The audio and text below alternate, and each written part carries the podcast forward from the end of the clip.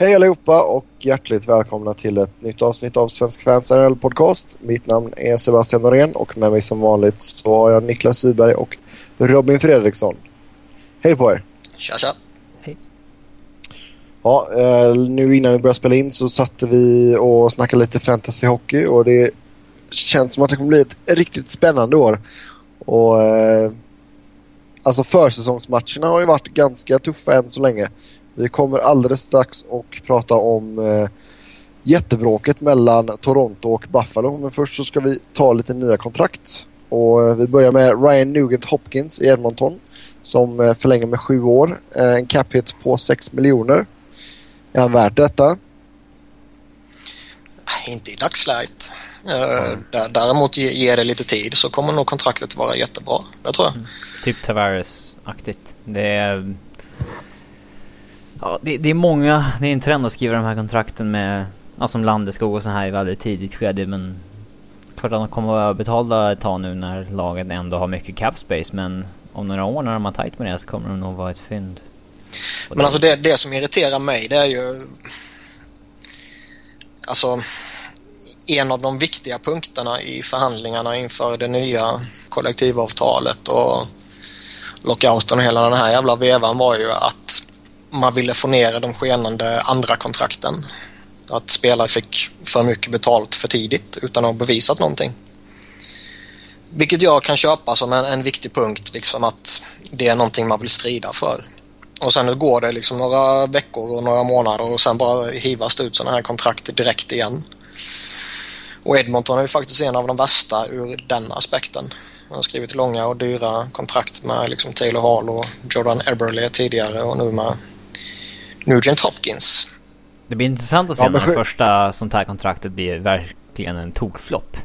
Jag menar Peter Mueller till exempel, han gick ju typ sexa eller någonting i draften, gick in och gjorde 50 poäng första säsongen och ja, någonting, någonting liknande andra säsongen. Hade han fått ett, ja, ett sexårs, sjuårskontrakt med sex mil eller någonting det hade ju varit en superflopp. Liksom. Alltså man undrar ju lite här med, med Nugent Hopkins om Edmonton är tok eh, nöjda och med, med det här kontraktet eller hur oroade de är med tanke på att han har haft lite skadeproblem redan. Mm. Ja, alltså det är klart man kan vara orolig. Alltså grejen med Nugent Hopkins är väl att han måste biffa till sig lite. Ja, eller först och främst bli frisk då, men sen alltså lägga på sig Jo, men det, må, det måste, ju alla, det måste ju alla unga i princip. Jo, men han är väldigt liten igen. Ja, absolut. Ja. Sen är det klart, man vill ju inte biffa på honom för mycket för då tappar han ju lite av, liksom, av sin rörlighet och allt sånt på isen. Men, mm. det, men det är som du säger, alltså, blir han frisk och spelar upp till sin potential så är detta ett kalasfynd om ett par år. Ja men så är det och det är ju med alla deras kontrakt på, på liksom som, ja. som jag nämnde Hall och Eberle som, som har eh, 6 miljoner också. Uh, och jag menar ge det några år sen kan ju alla de här tre kontrakten vara uh, bra liksom. Nej men alltså, alltså sen... det, det blir nästan tvärtom att de som inte skriver de här kontrakten de ser ut som idioter nu. Se på Montreal och PK Subban med det där bridge-kontraktet han fick. De hade kunnat fått han för fem mille över fem år i sommar i somras. Eh, och ja, när det här går ut om ett år då kommer det ju vara Norris-pengar helt enkelt. 7-7,5 han ska ha. Så lär det bli.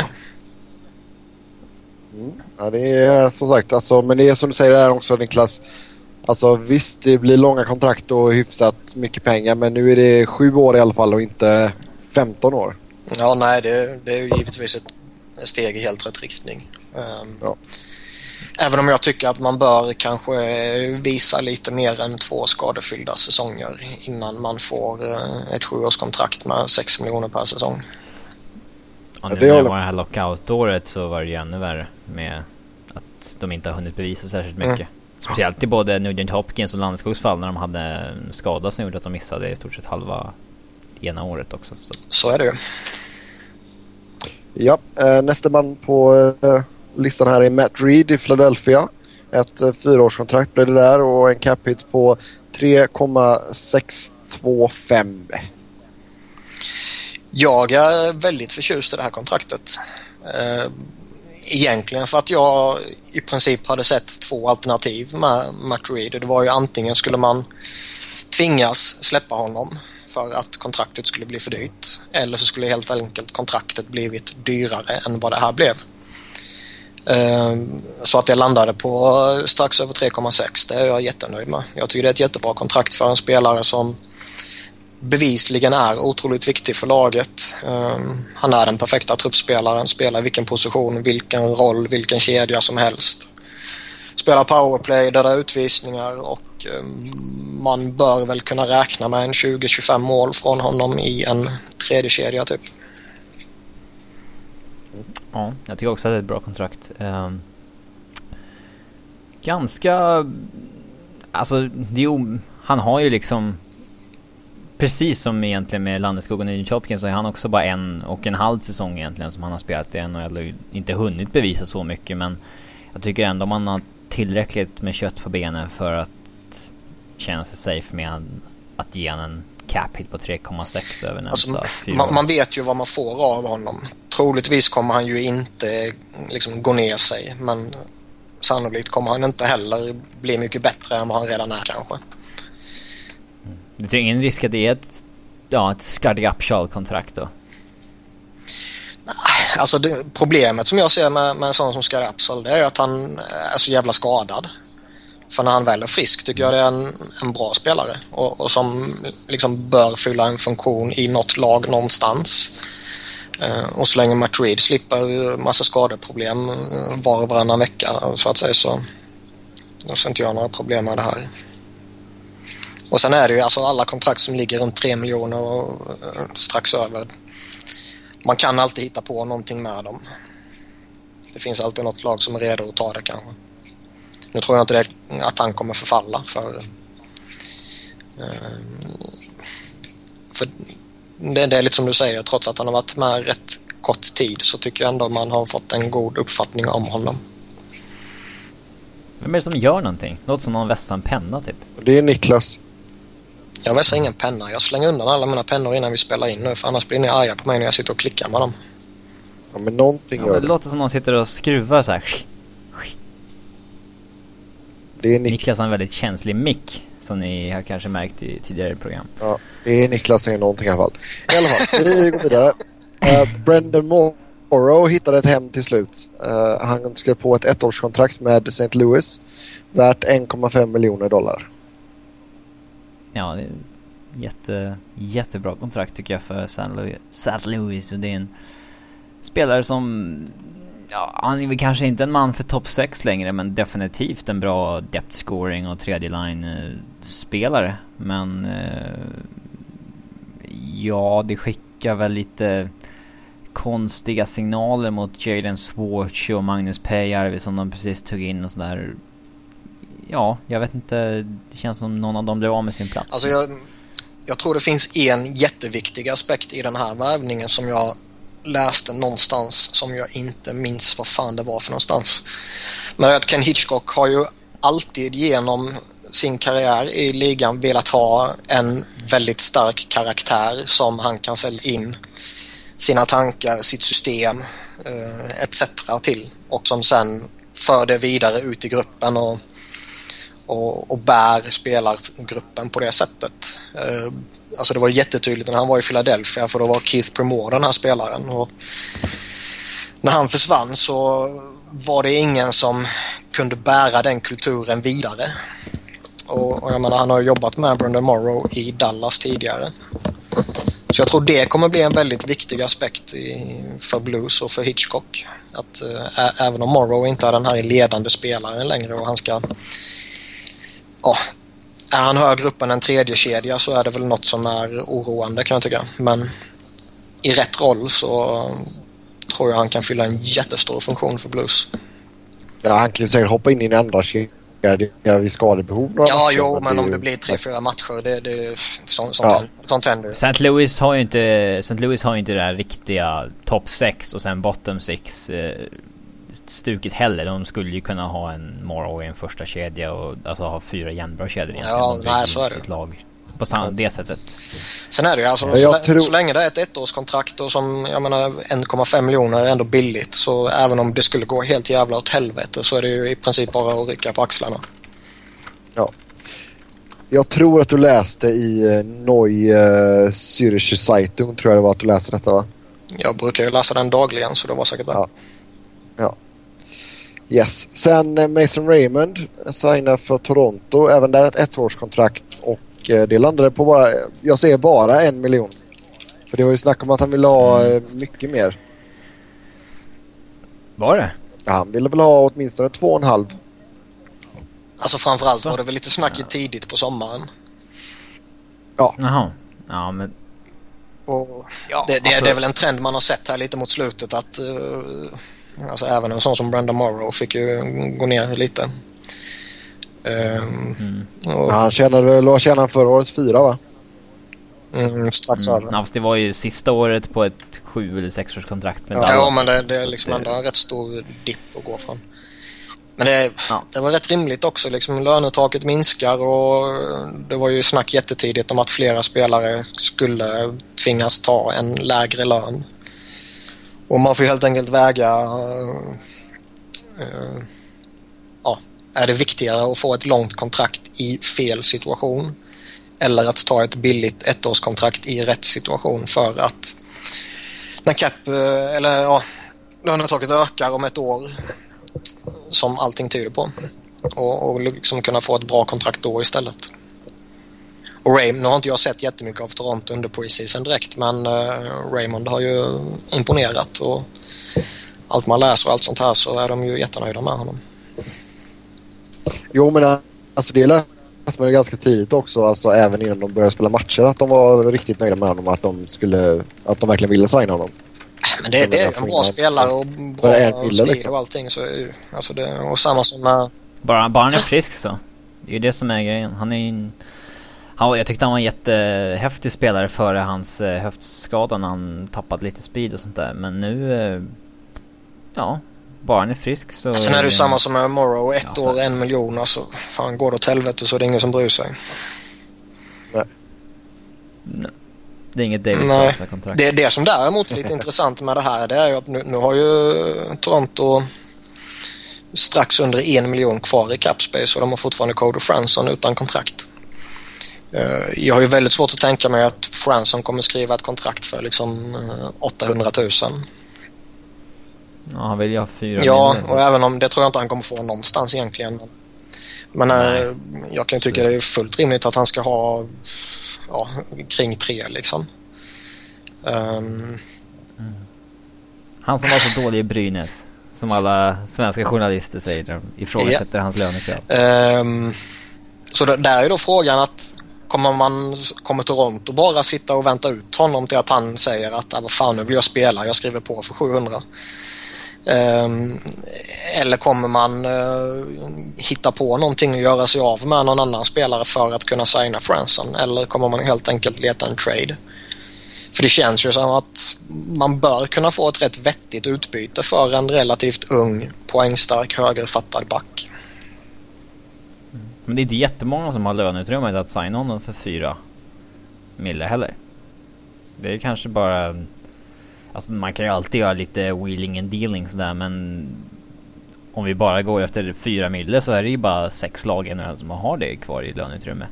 Eh, och de som ligger kring kring en eller två mille nu, de behöver göra rätt stora justeringar om de ska kunna ta in en Så Skulle du vilja ha honom till Colorado? Ni behöver backar ja, ja, jag skulle väl inte säga nej. Alltså de flesta backarna som är på marknaden skulle man väl gärna se Faktiskt. Eh, alltså det konstiga med Colorados backbesättning är att den har varit dålig i jättemånga år men den har faktiskt blivit lite sämre för varje år. Det är en konst. Också. Ja. ja. Sen sista kontraktet här då, Damien Brunner eh, kritar på två år för New Jersey Devils och eh, får en cap hit på 2,5 miljoner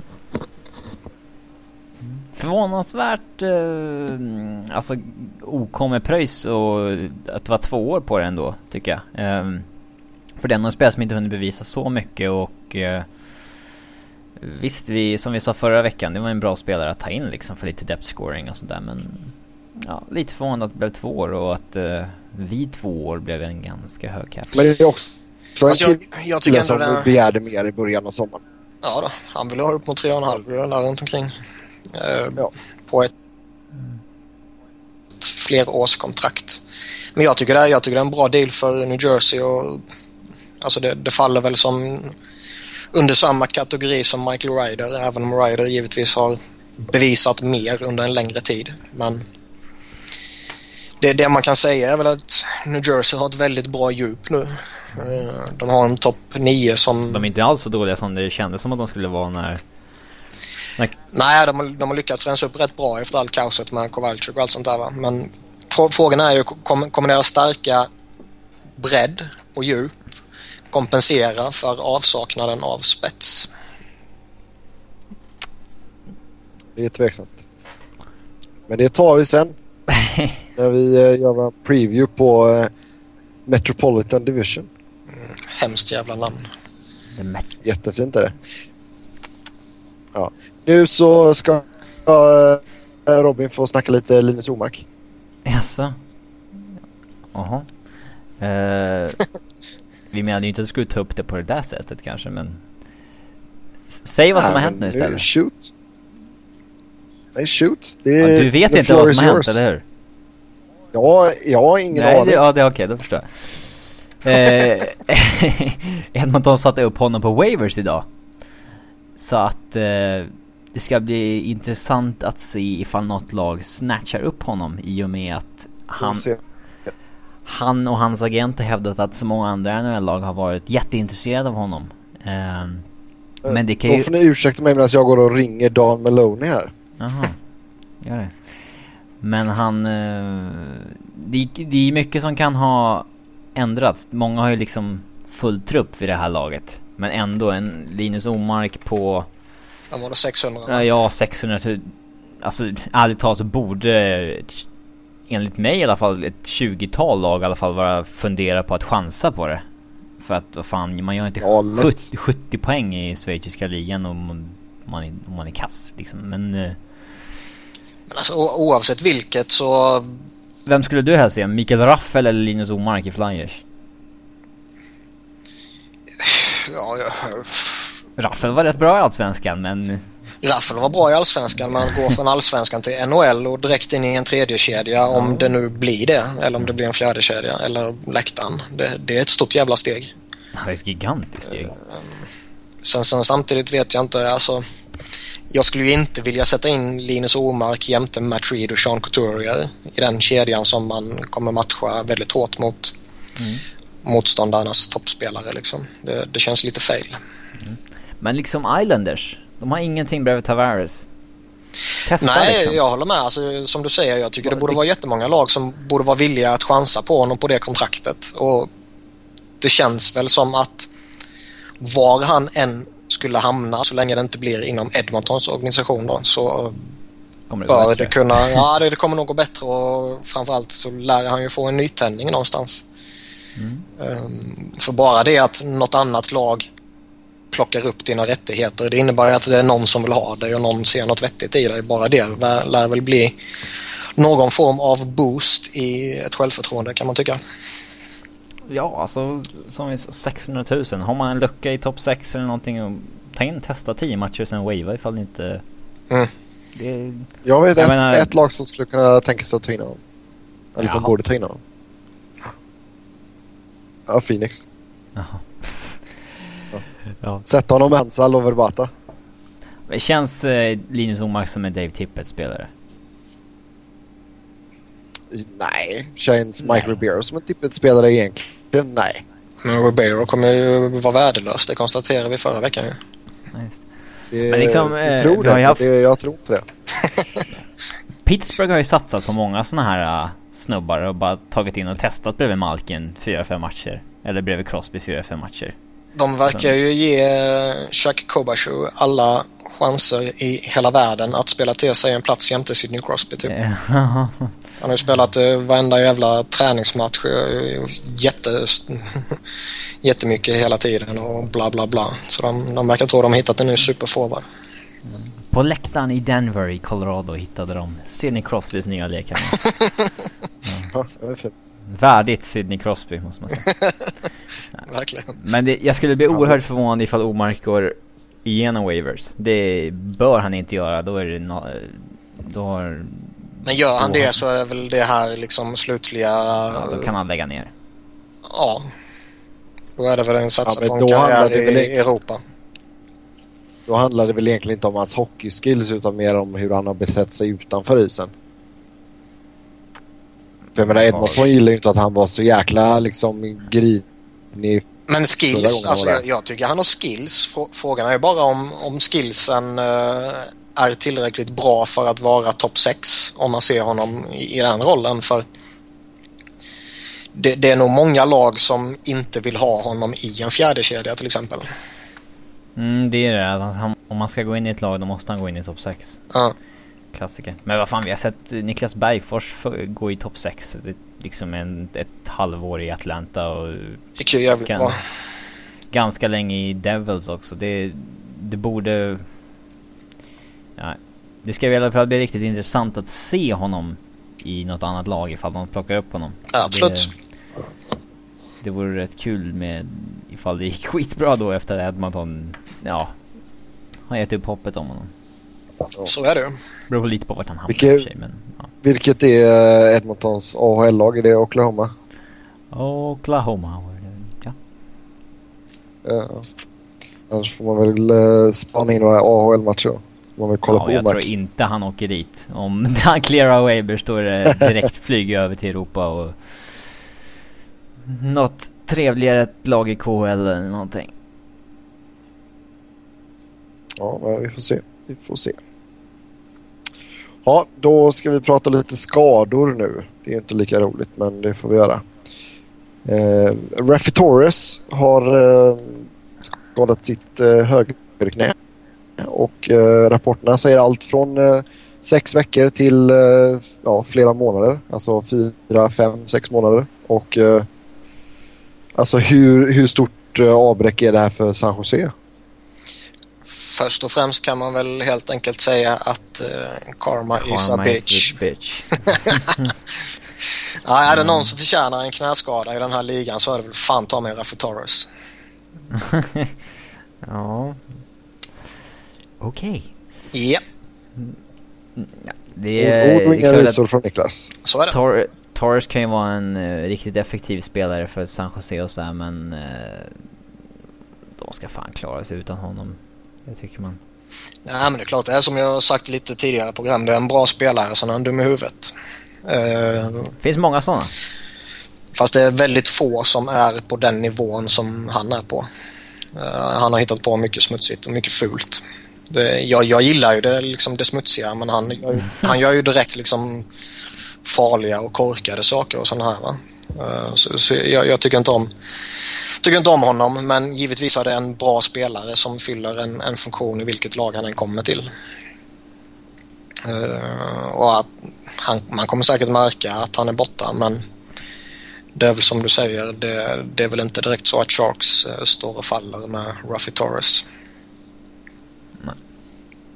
Ja, sen eh, Sam Garnier, Edmonton, borta på obestämd tid efter att ha brutit käken. Det låter riktigt obehagligt faktiskt. Mm, jag vet inte. Jag vet, vet, inte hur lång tid sånt där tar i hockey. Men, uh... Jag har ingen aning. Alltså jag antar ju att han kommer vara... ha hela käften full med stålvajrar och grejer. Men det, det beror på lite hur allvarligt det är och allt sånt här. Men Sidney Crosby fick ju det denna säsongen och han var väl borta några veckor va? Ja, just det. Skottet av Warp. Ja, och här var det ju liksom Zack Cassian eh, gick ju in för att sätta en, en tackling och eh, Gagner stannar upp, levererar passningen. Cassian eh, missar honom och dundrar in i sargen så att säga och samtidigt som han gör det så vrider han upp kroppen på något sätt och flänger upp hela klubban i ansiktet på honom. Så det är ju Cassians klubba som krossar Sam Gagners uh, käke. Uh, Cassian fick ju även yep. fem, mat fem matchers avstängning i och med mm. detta. Han, mm, han, fick ju resten av preseason plus fem matcher. Mm.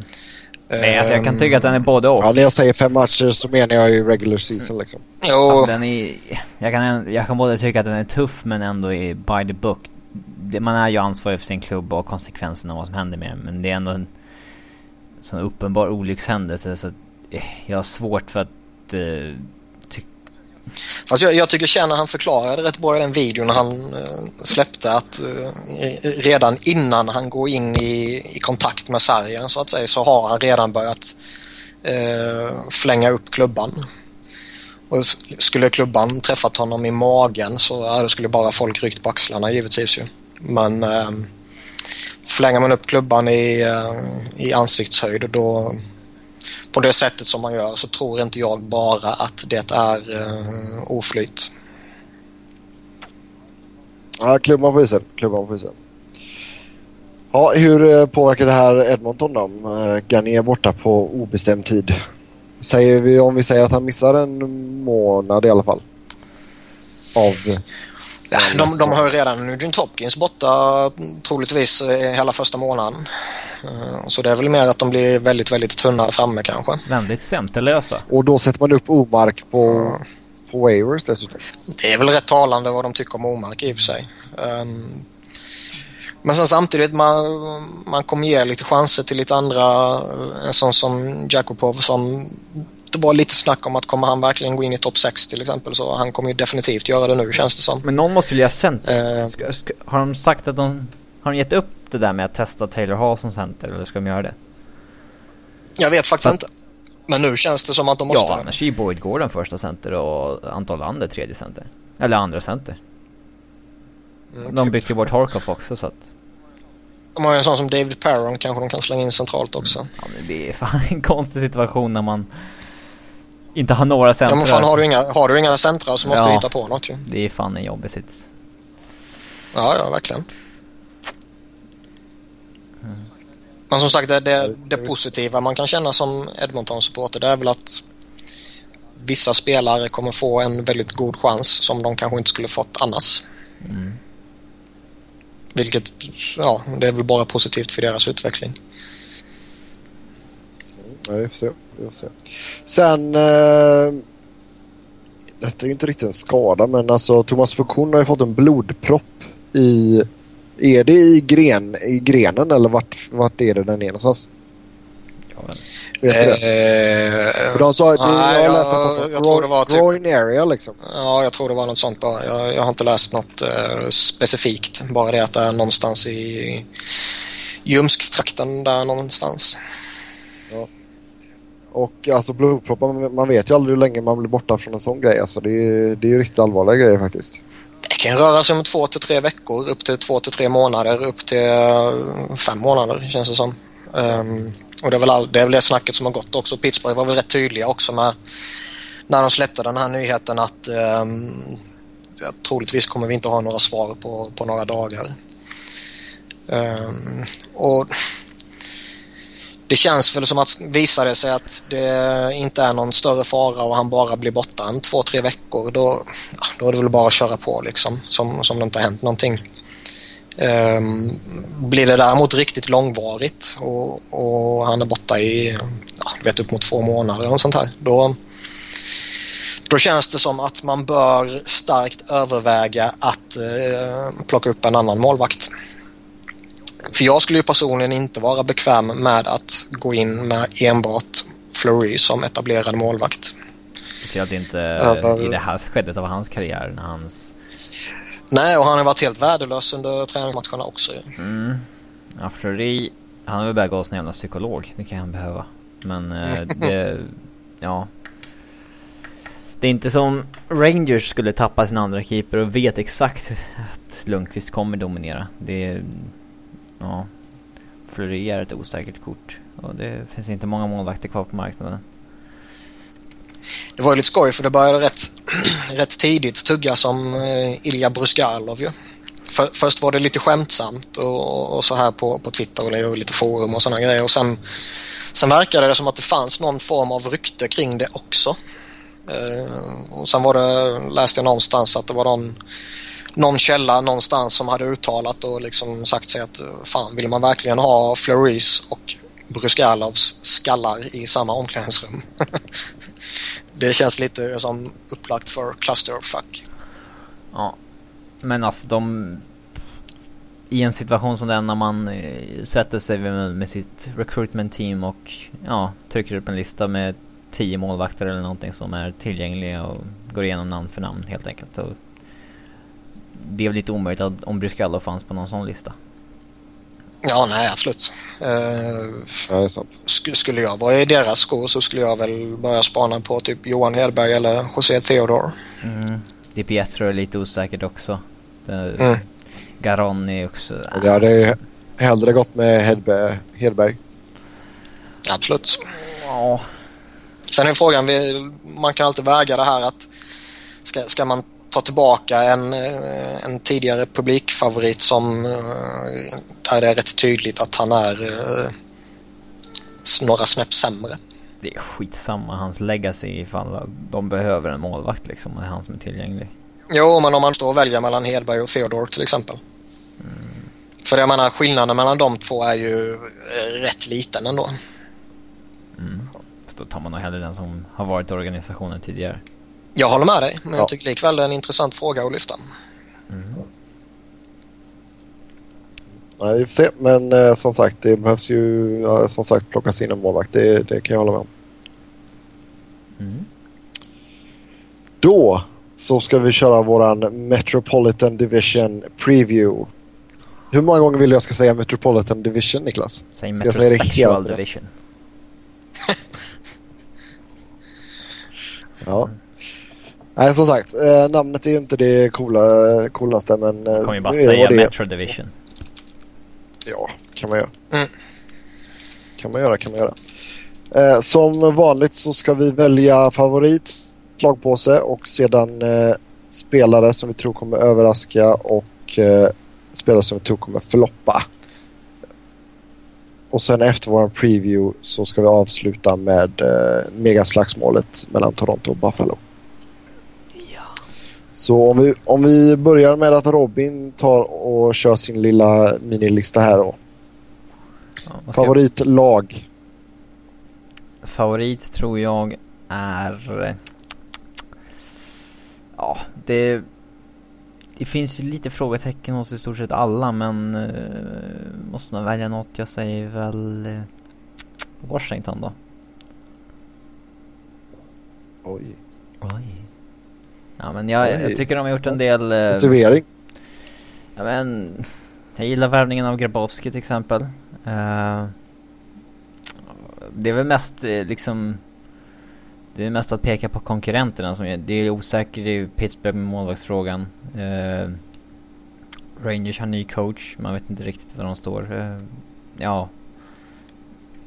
Philly tror jag inte är så bra så att de vinner sin division. Uh, Ja, jag är inte direkt övertygad om Washington, men om jag måste säga något så säger jag dem.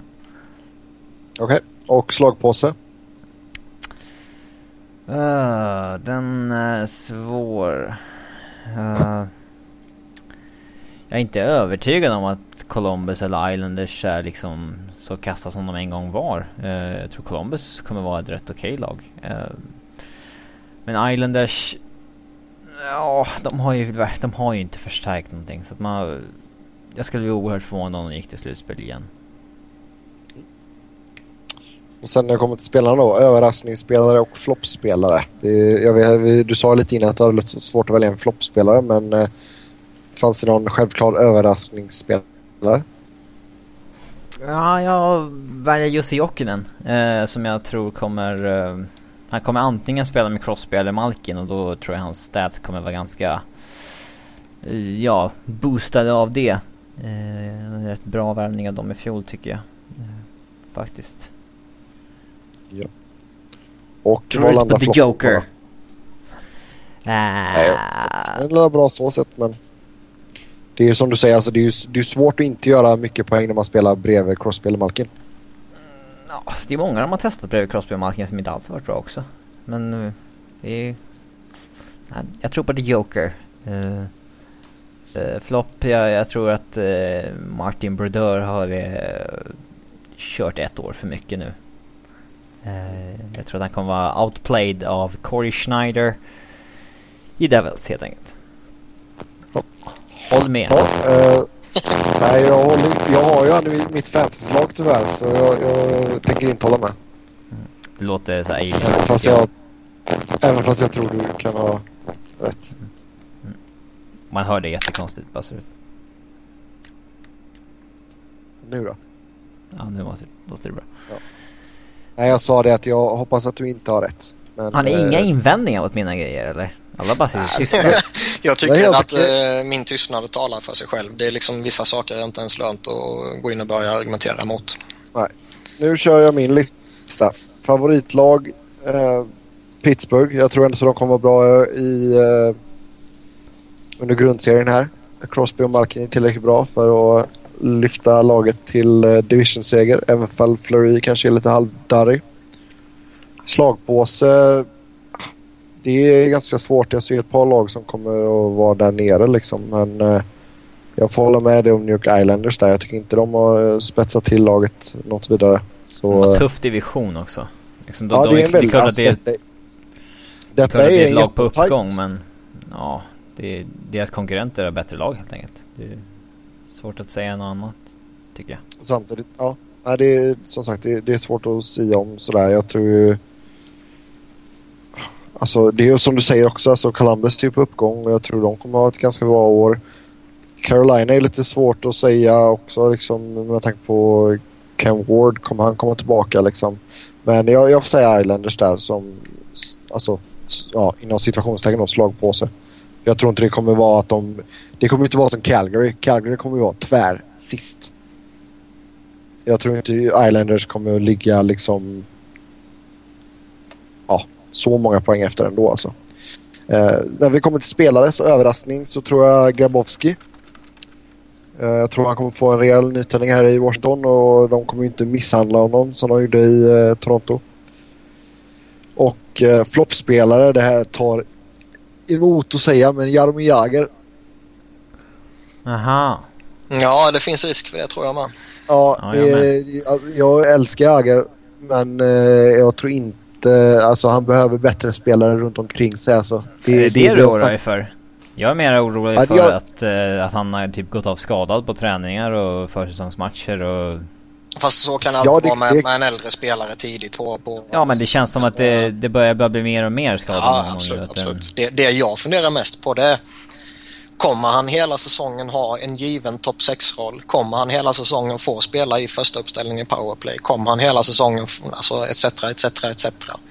Det jag är, inte Säker på att han, jag, jag, är inte säker på det Niklas. Jag håller med dig där. Jag är inte mm. helt säker på det. Det är, det är delvis därför han är min floppvarning. Jag skulle vilja kalla det floppvarning istället för liksom garanterad flopp. Uh, det, ja men det tar emot att säga det också alltså. Men han, det är klart, han, han är gammal nu liksom. Det han är riktigt gammal. Ja, när man är över 40 då är det ju bara... Ja, då är det kört. säg, säg, säg det till Teemu Uh, ja, ja, men han blir också bli gammal. Den enda som var över 40 och inte märktes det var Niklas Lidström. Chris Ja, han, det märkte han. Han var rätt kass mot slutet. Men då var han 47 år eller någonting. Då var han 50 i och för sig. Att... ja, exakt. Nej, så det, det är min lista där. Och Niklas, du får uh, säga din nu.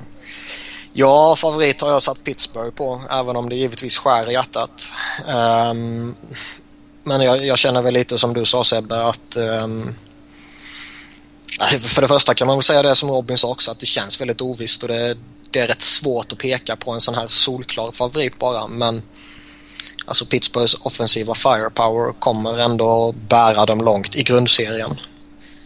Uh, även om de har osäkerhet längst bak och jag är väl inte toksåld på deras bottom six heller men har du Crosby, har du Malkin, har du James Neal, Kunitz och Pascal Dupuis verkar ju vara en jävla superspelare numera då. Och Jack Kobashu får vi inte glömma heller ju. Eh, de, de kommer vara ett topplag och liksom Malkin Crosby kan, kan vara det här laget som, eller de här spelarna som är skillnaden mellan topp tre placering i divisionen eller första platsen. Mm. Flopp. Det är som ni har sagt, det är svårt som fan. Uh, Alltså det skulle ju kunna vara Carolina som kommer sist liksom. Ja, alltså jag har ju skrivit upp tre lag och det är Carolina, Columbus och Islanders. Och eftersom ni säger Islanders så säger jag inte dem. Um, Columbus, alltså det är, det är svårt. Man vet inte riktigt var man har dem. Um, mm. Kommer gå in lite djupare på det tidigare, eller senare så att säga. Men uh, jag, jag, tror man kommer behöva se Columbus i en 10, 15, 20 matcher innan man kan uh, uh, säga något uh, hyggligt uh, sanningsenligt Fram, kring dem. Framförallt att se Bob Ravsky. Ja, lite så är det. Lite. Carolina, ja, det som Sebbe sa, hur, hur kommer Cam Ward sköta sig? Och kommer, kommer det funka med bröderna Stahl och Semin och alla de här? Och backbesättningen, hur håller den? Och, ja, det, men Carolina Columbus, någon, något av de två säger jag. Överraskningsspelare? Jag tar faktiskt ett uh, Homer-pick och säger Braden Chen. Oh. Så, vad, oh. uh, nej, men jag, man hade ju rätt stora förhoppningar på honom i föregångna säsongen här. Och det var väl inte fel att ha det i och för sig, men sen fick han ju hoppa mellan eh, högerforward, center, vänsterforward, in till center igen och upp och ner mellan olika kedjor och allt sånt här. Men nu känns det verkligen som att han är incementerad som vänsterforward i andra kedjan jämte Vincent LeCavalier och jag tror det kommer betyda jätte, jättemycket för honom. Jag, jag tror han kommer ha en jätteskön utveckling denna säsongen. Och eh, floppity flopp? Floppen säger jag Nathan Horton. Um, han kommer ju missa en del här i inledningen, är väl inte tillbaka förrän framåt slutet november, december där omkring tror jag. Men eh, jag tror han kommer ha det väldigt, väldigt svårt utan eh, den uppbackningen han har haft i Boston här nu. Och det känns som det, det, det som eventuellt skulle kunna tala för honom det är väl om man spelar honom tillsammans med Marian Gaborik.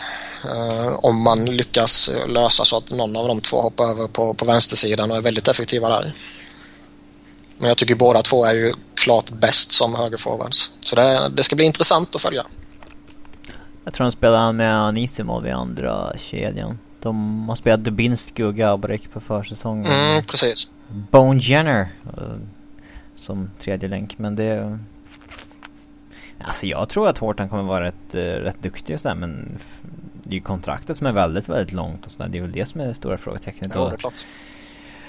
Den enda, den enda stora negativa vibben uh, man får kring honom det var ju anledningen till att han ville flytta till Columbus. Att han liksom ville... Han ville till en mindre marknad typ. Ja, och det, det skickar en lite konstig signal tycker jag.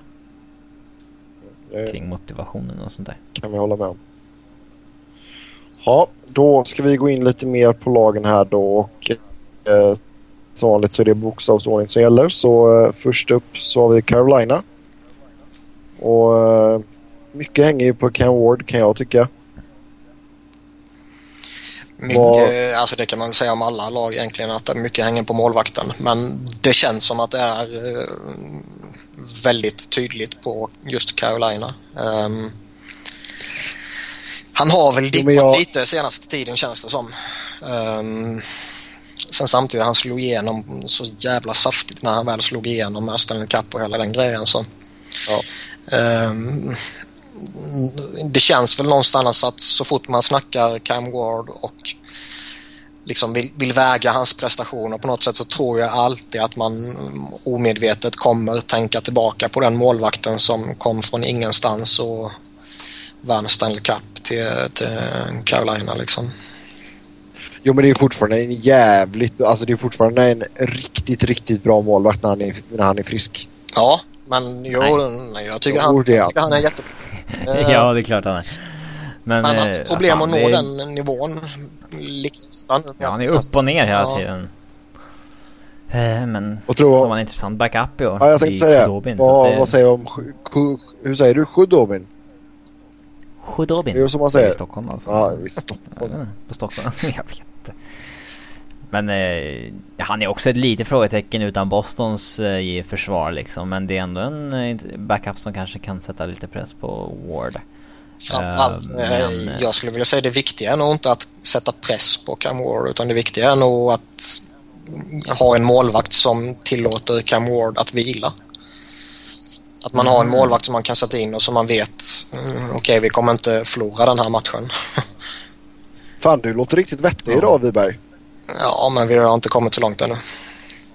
Om vi kollar på backbesättningen då. Den ser ju lite eh, suspekt ut i mina ögon.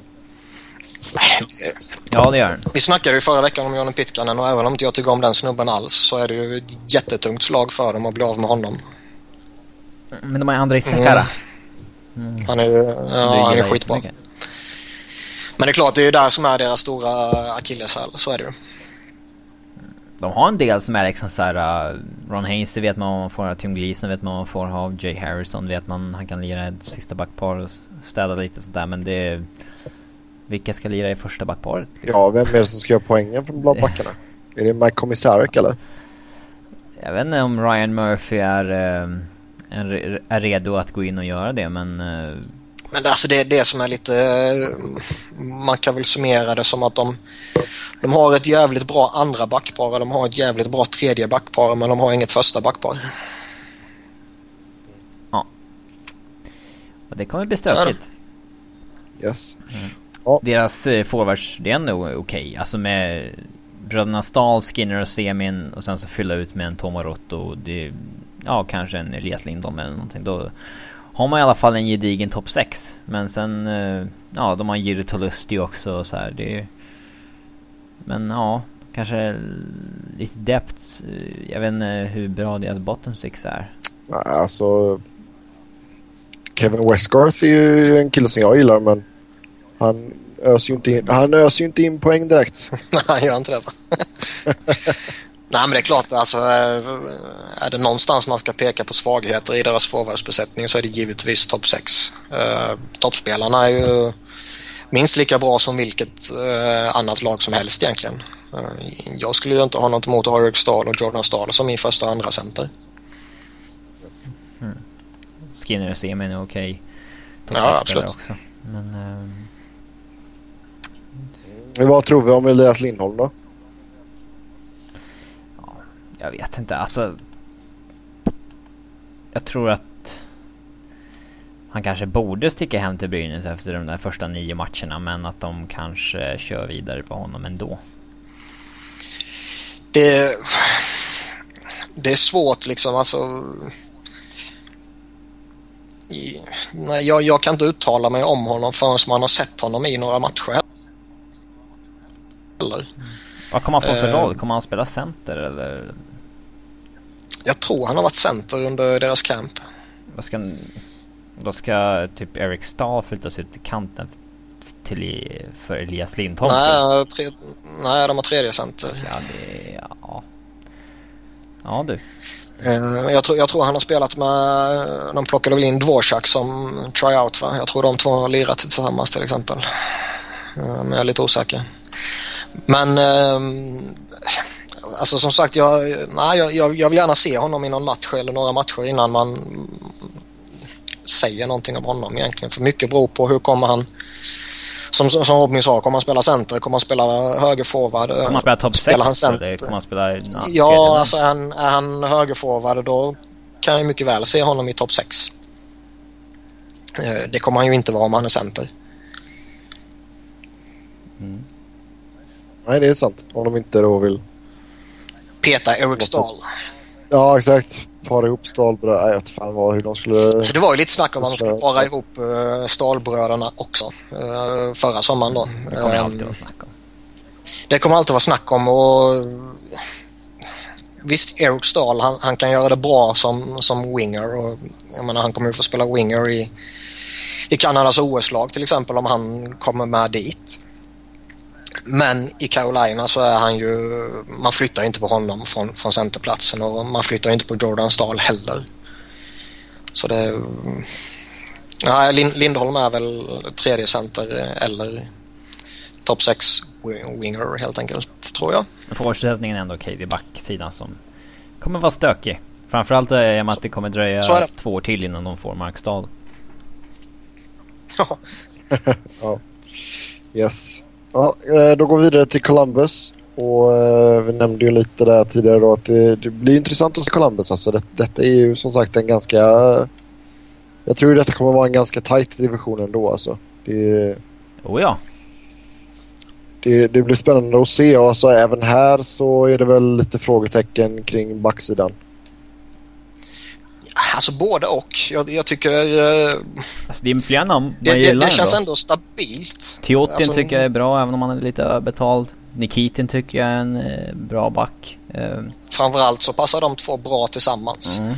Eh, Jack Johnson tycker jag är en... Eh, alltså han har varit bra som fan i Columbus. Eh, bättre än han var i Kings. Och... Eh, alltså Ryan Murray det är ändå.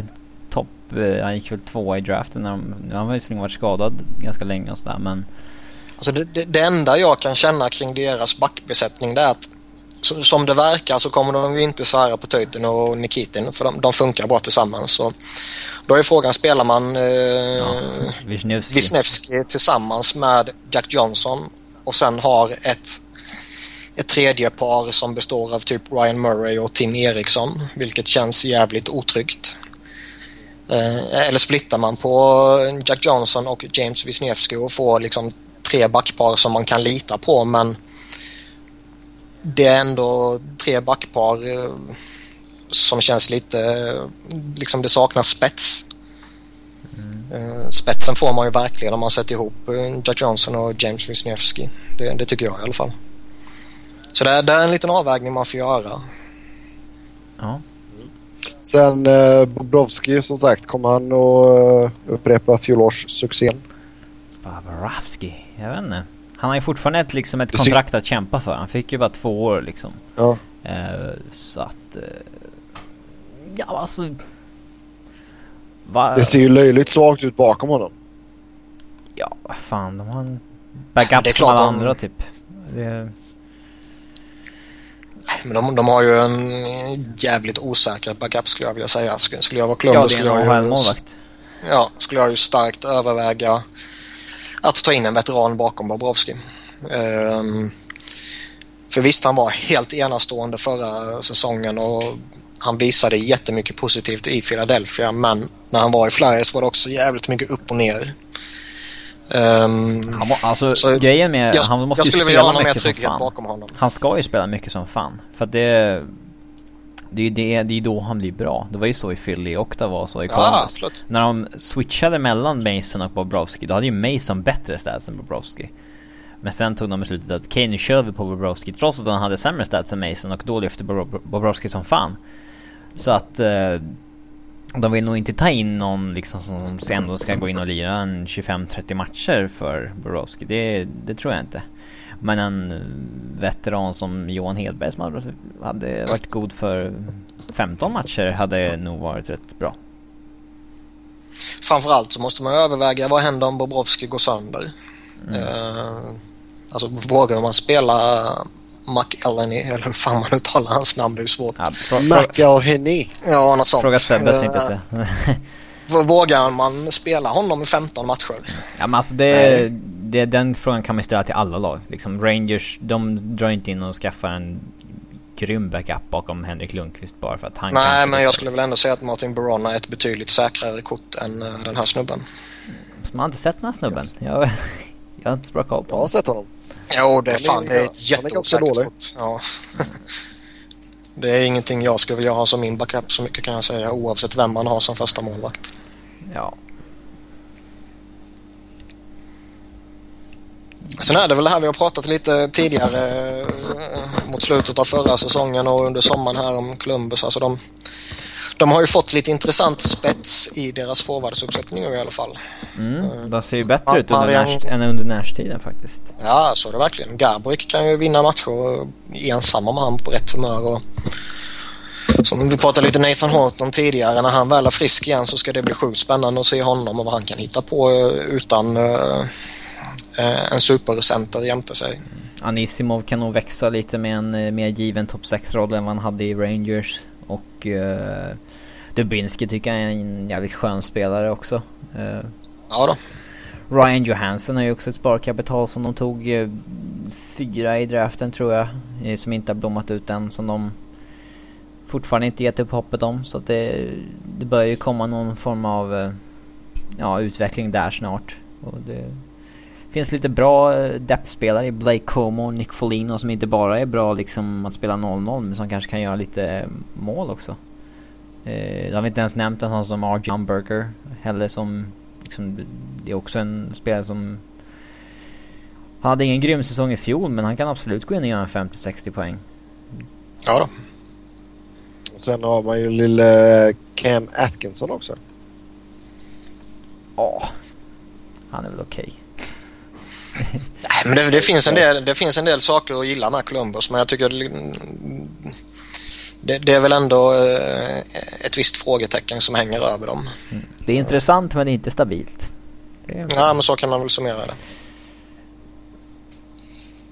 Ja, då hoppar vi vidare och eh, tar tåget upp till New Jersey.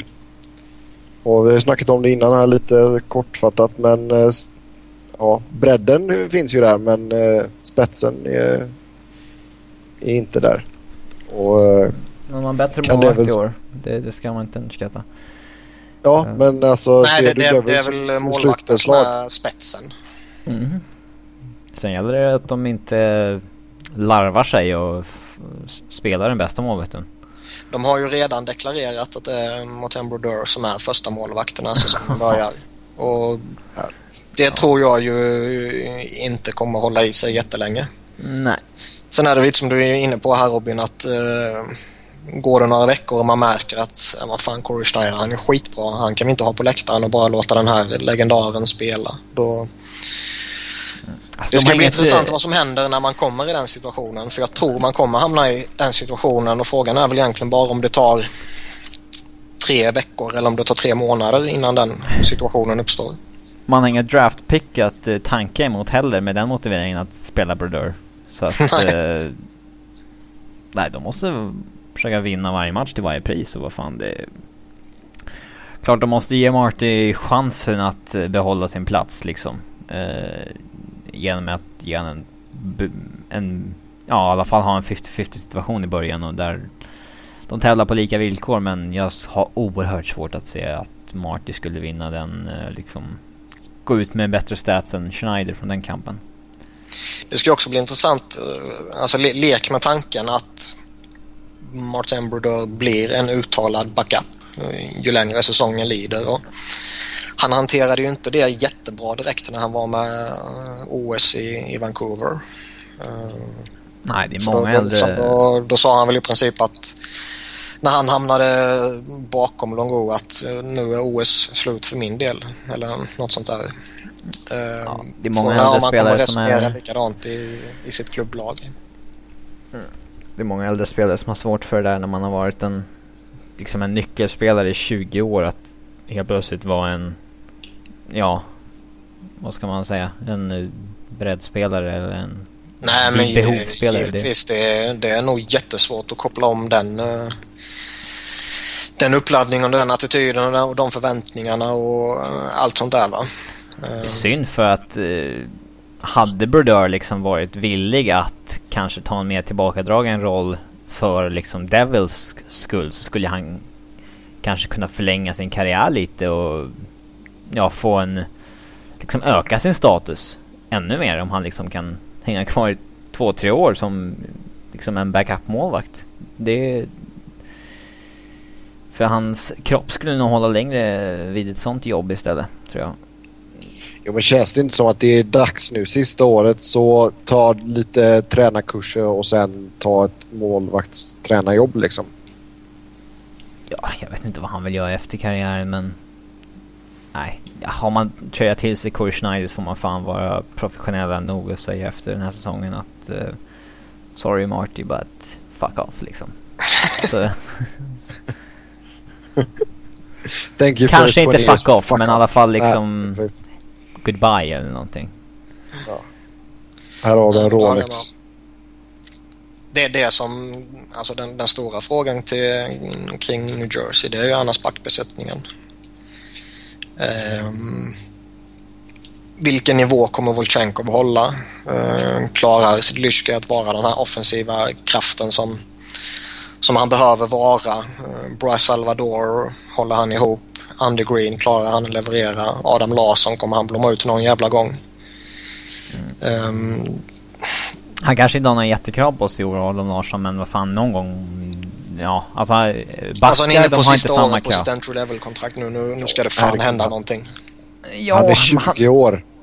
Ja, men han är ändå back. De är inte, de är inte samma... Alla går inte in som liksom...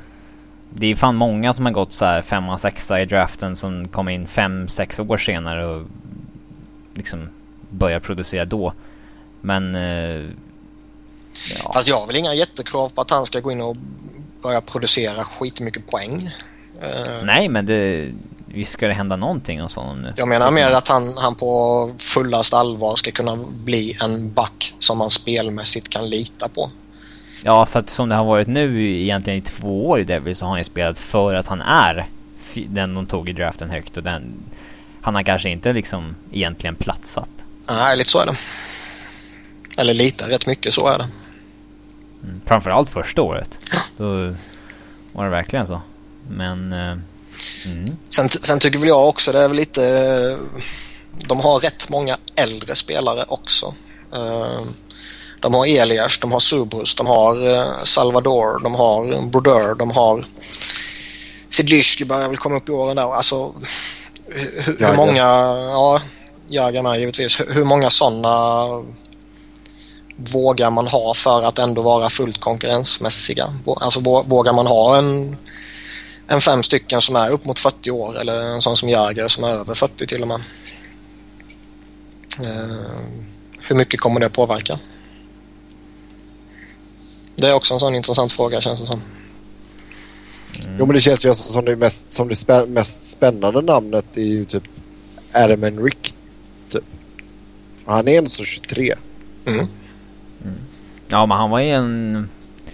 Han kom ju upp lite från ingenstans och där. Han är ingen som de har... Eh, han tog dem i tredje rundan 2008 och de... Ja. Man ska väl flagga för en sån som eh, Andrei Lakshonov också. Som... Eh, ja, det... Unga ryssar känns det som att de kan bli hur bra som helst men de kan också bli hur jävla dåliga som helst. Och han har väl snarare visat tendenser nu under tiden i Devil så att han kan bli riktigt bra än som han visade i LA att han kommer bli riktigt dålig. Japp. Han var, inte, han var ju bra i Manchester vet jag men han var ganska dassig när han väl fick eh, spela uppe i Kings. Så är det. Men Devils de har fan ett, liksom ett okej okay lag men deras division är lite för tuff för att ta sig till slutspel tror jag. Mm. Ja, det kan jag hålla med om. Ja, eh, över till New York Islanders. Och eh, alltså John Tavares är ju den stora stjärnan som sagt. Och, han ska göra allting. Nu ska han ersätta snart ska han Strite också, också, typ. Ja. men alltså, ja, vem, de, vem kommer de, ja. vilka kommer bli hans eh, lekkamrater den här säsongen? Jag, jag kan ju, innan vi går in på den frågan kan jag ju tycka att New York Islanders borde ju väldigt, väldigt starkt överväga att gå in och lägga ett offer sheet på Derek Stefan. Ja, verkligen. Antingen ställer de till det utav helvete för eh, Rangers om de lägger ett hyggligt välbetalt på honom. Eller så får de en jävligt bra spelare. Ja, fan. Vad är Rangers vilja ge honom? Typ tre eller någonting? Ja, Och han, han, han, säger, han, det sägs att han uh, kan tänka sig kring tre och en halv nu. Rangers vill bara ge honom tre.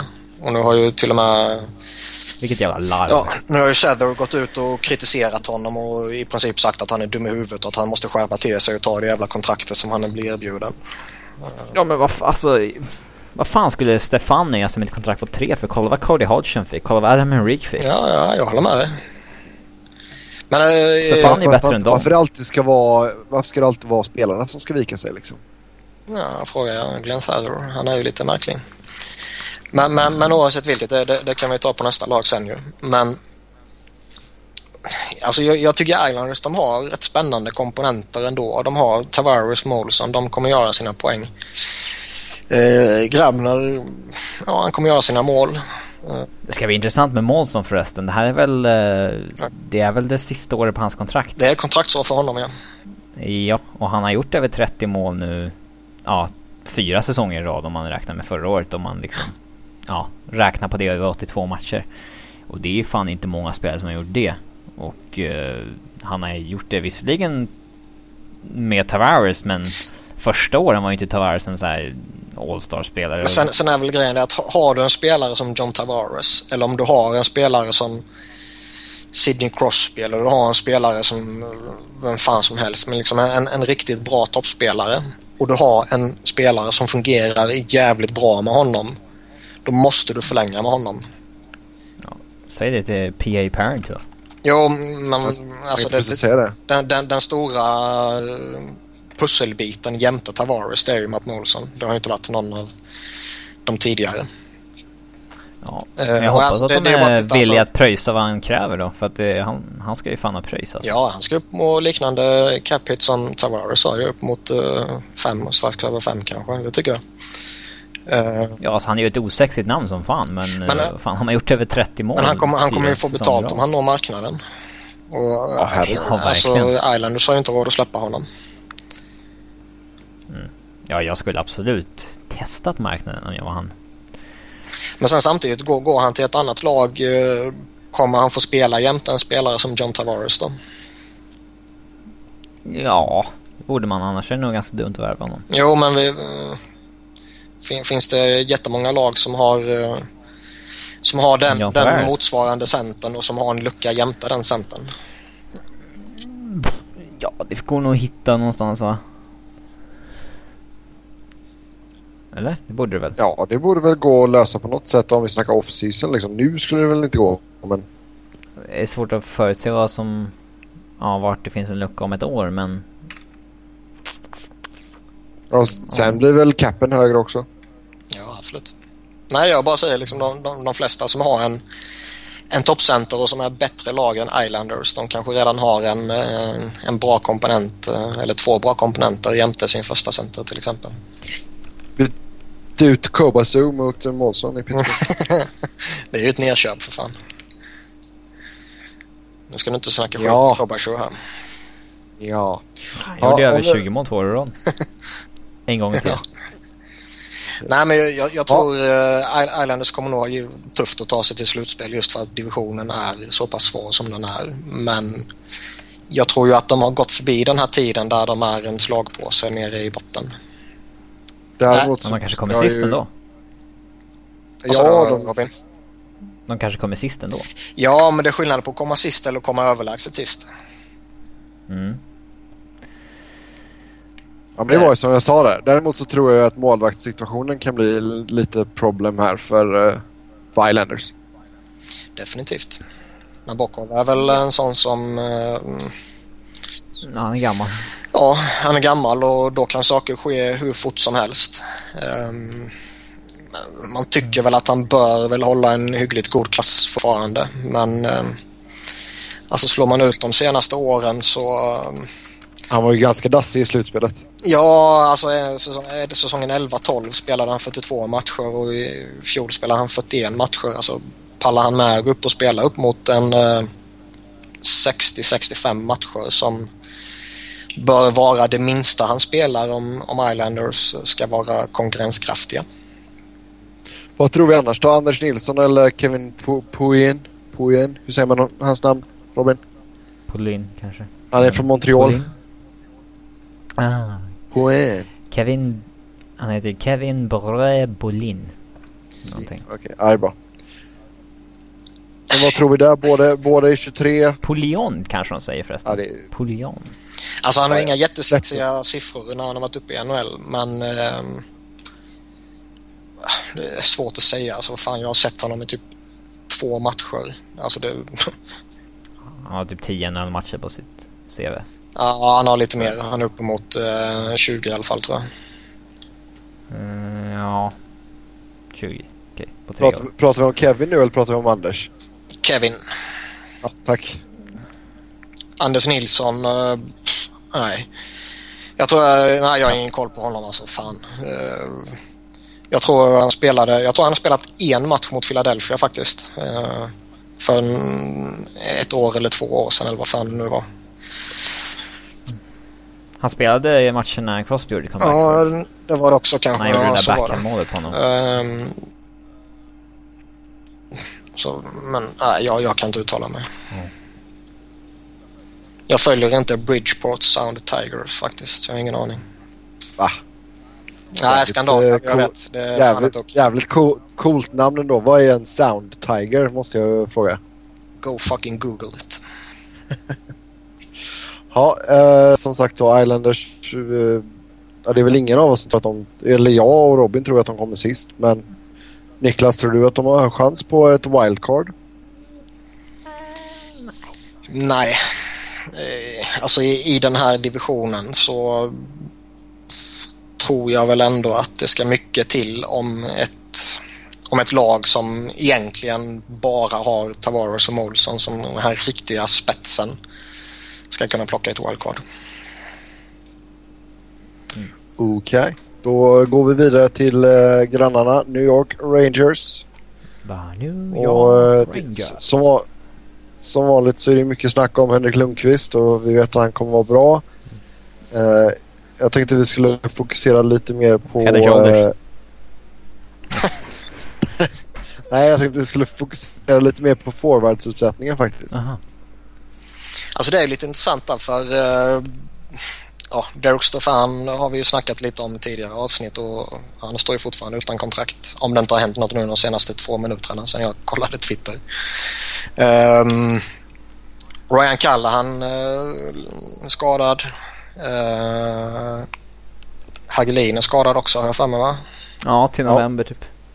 Ja, um, alltså plocka bort de tre så ja, det är rätt mycket man plockar bort från deras forwardsbesättning. Öppnar upp en del för Chris Kreider, men han måste ju ta chansen också, inte bara få den. Det gör det verkligen. Sen, sen lär väl han vara en annan spelare under uh, Alain Vigneault än vad han var under John Tortorella känns det som.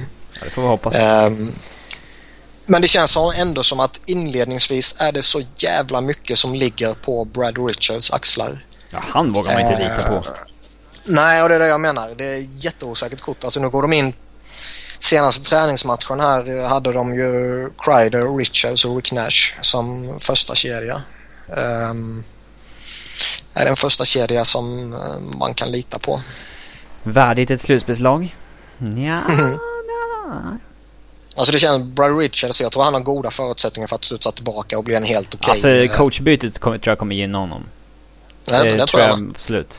Sen tror jag fortfarande att uh, det enda som kan hindra Rangers från att köpa ut honom nästa sommar det är en skada. Ja. Uh, för han kommer ju inte bli så pass bra igen så att han rättfärdigar det kontraktet han har. Nej, det var typiskt sånt man visste alltså, att skulle köpas ut när det ytterligare typ 5-6 mm. år. Ja. Så det är...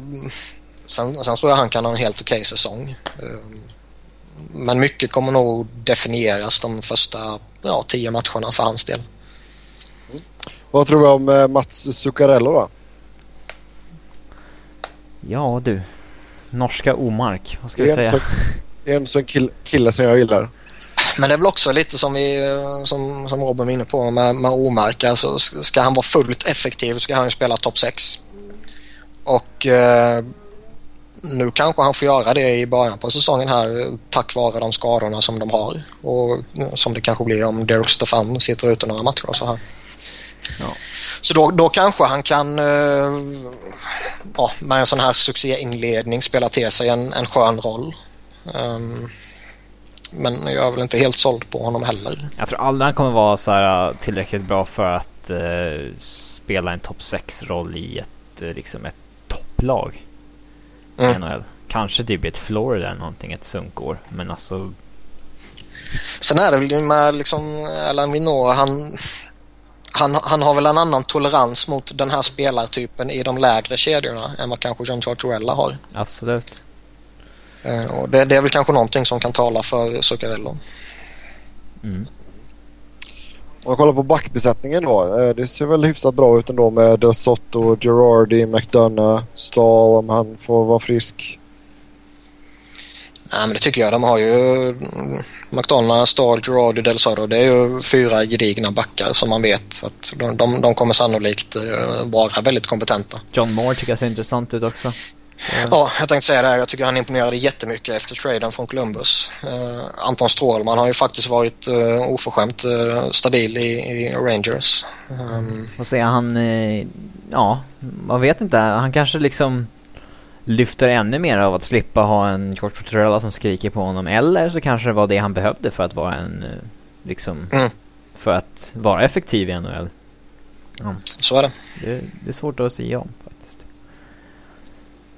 Men det känns ändå som att när, när, när Kalla han är frisk igen och när Hagelin är tillbaka och när Derek Stefan skriver kontrakt. För jag räknar med att han kommer skriva kontrakt. Sen om det sker om om två dagar eller om det sker två veckor in på säsongen, det är väl en annan fråga. Men när de väl är friska så är det här givetvis ett slagkraftigt lag.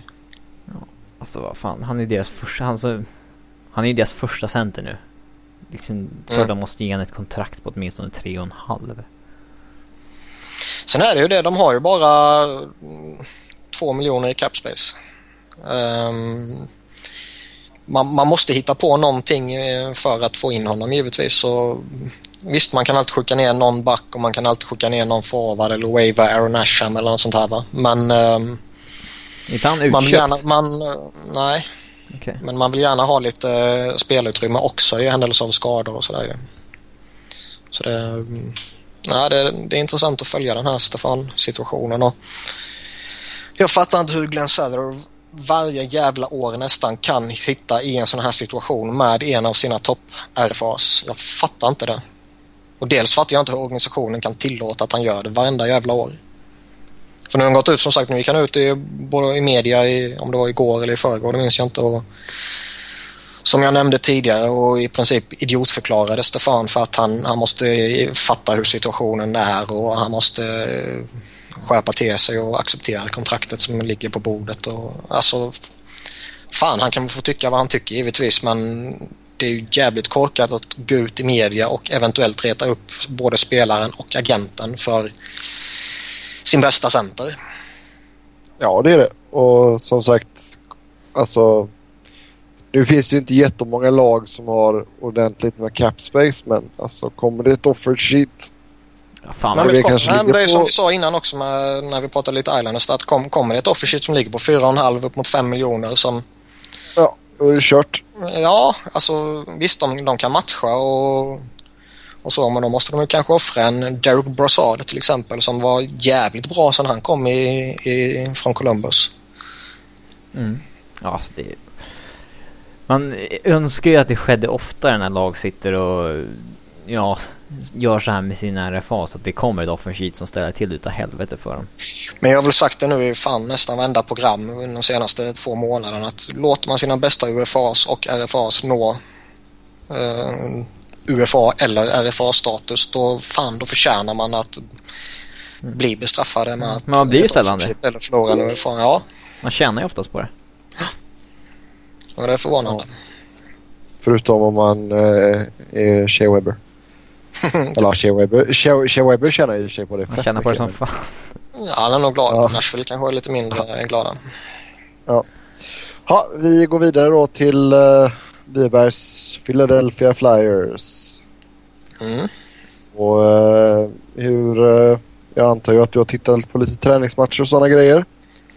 Jag har väl sett hur, ser det, hur har det sett ut?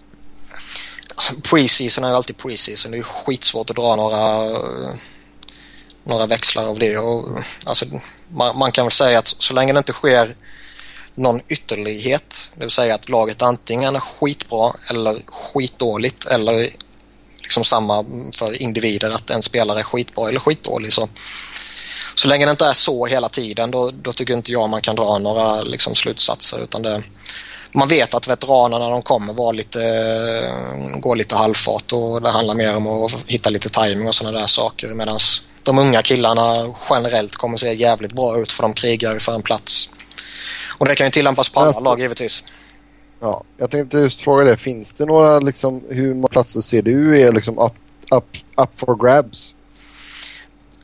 Det finns väl eh, två eh, positioner egentligen. Det, det är väl sjätte backen där eh, man måste ta ett beslut egentligen om André Metsaros. Ska man behålla honom eller ska man göra sig av med honom? Och är framförallt Erik Gustafsson så pass bra att man kan skeppa iväg Metsaros?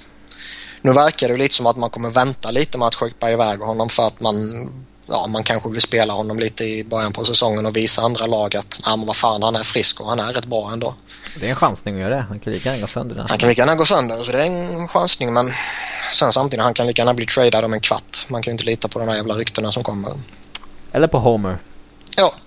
Och sen är det ju den, den andra positionen som är uh, uppe för, för kamp. Det är väl egentligen den sista forwardspositionen. Sen kan den vara left-winger i tredje kedjan eller det kan vara center i fjärde kedjan eller det kan vara winger i fjärde kedjan. Och det är väl allt från uh, Scott Lafton, uh, eh, unga uh, första valet från förra sommaren till uh, Mikael Raffel.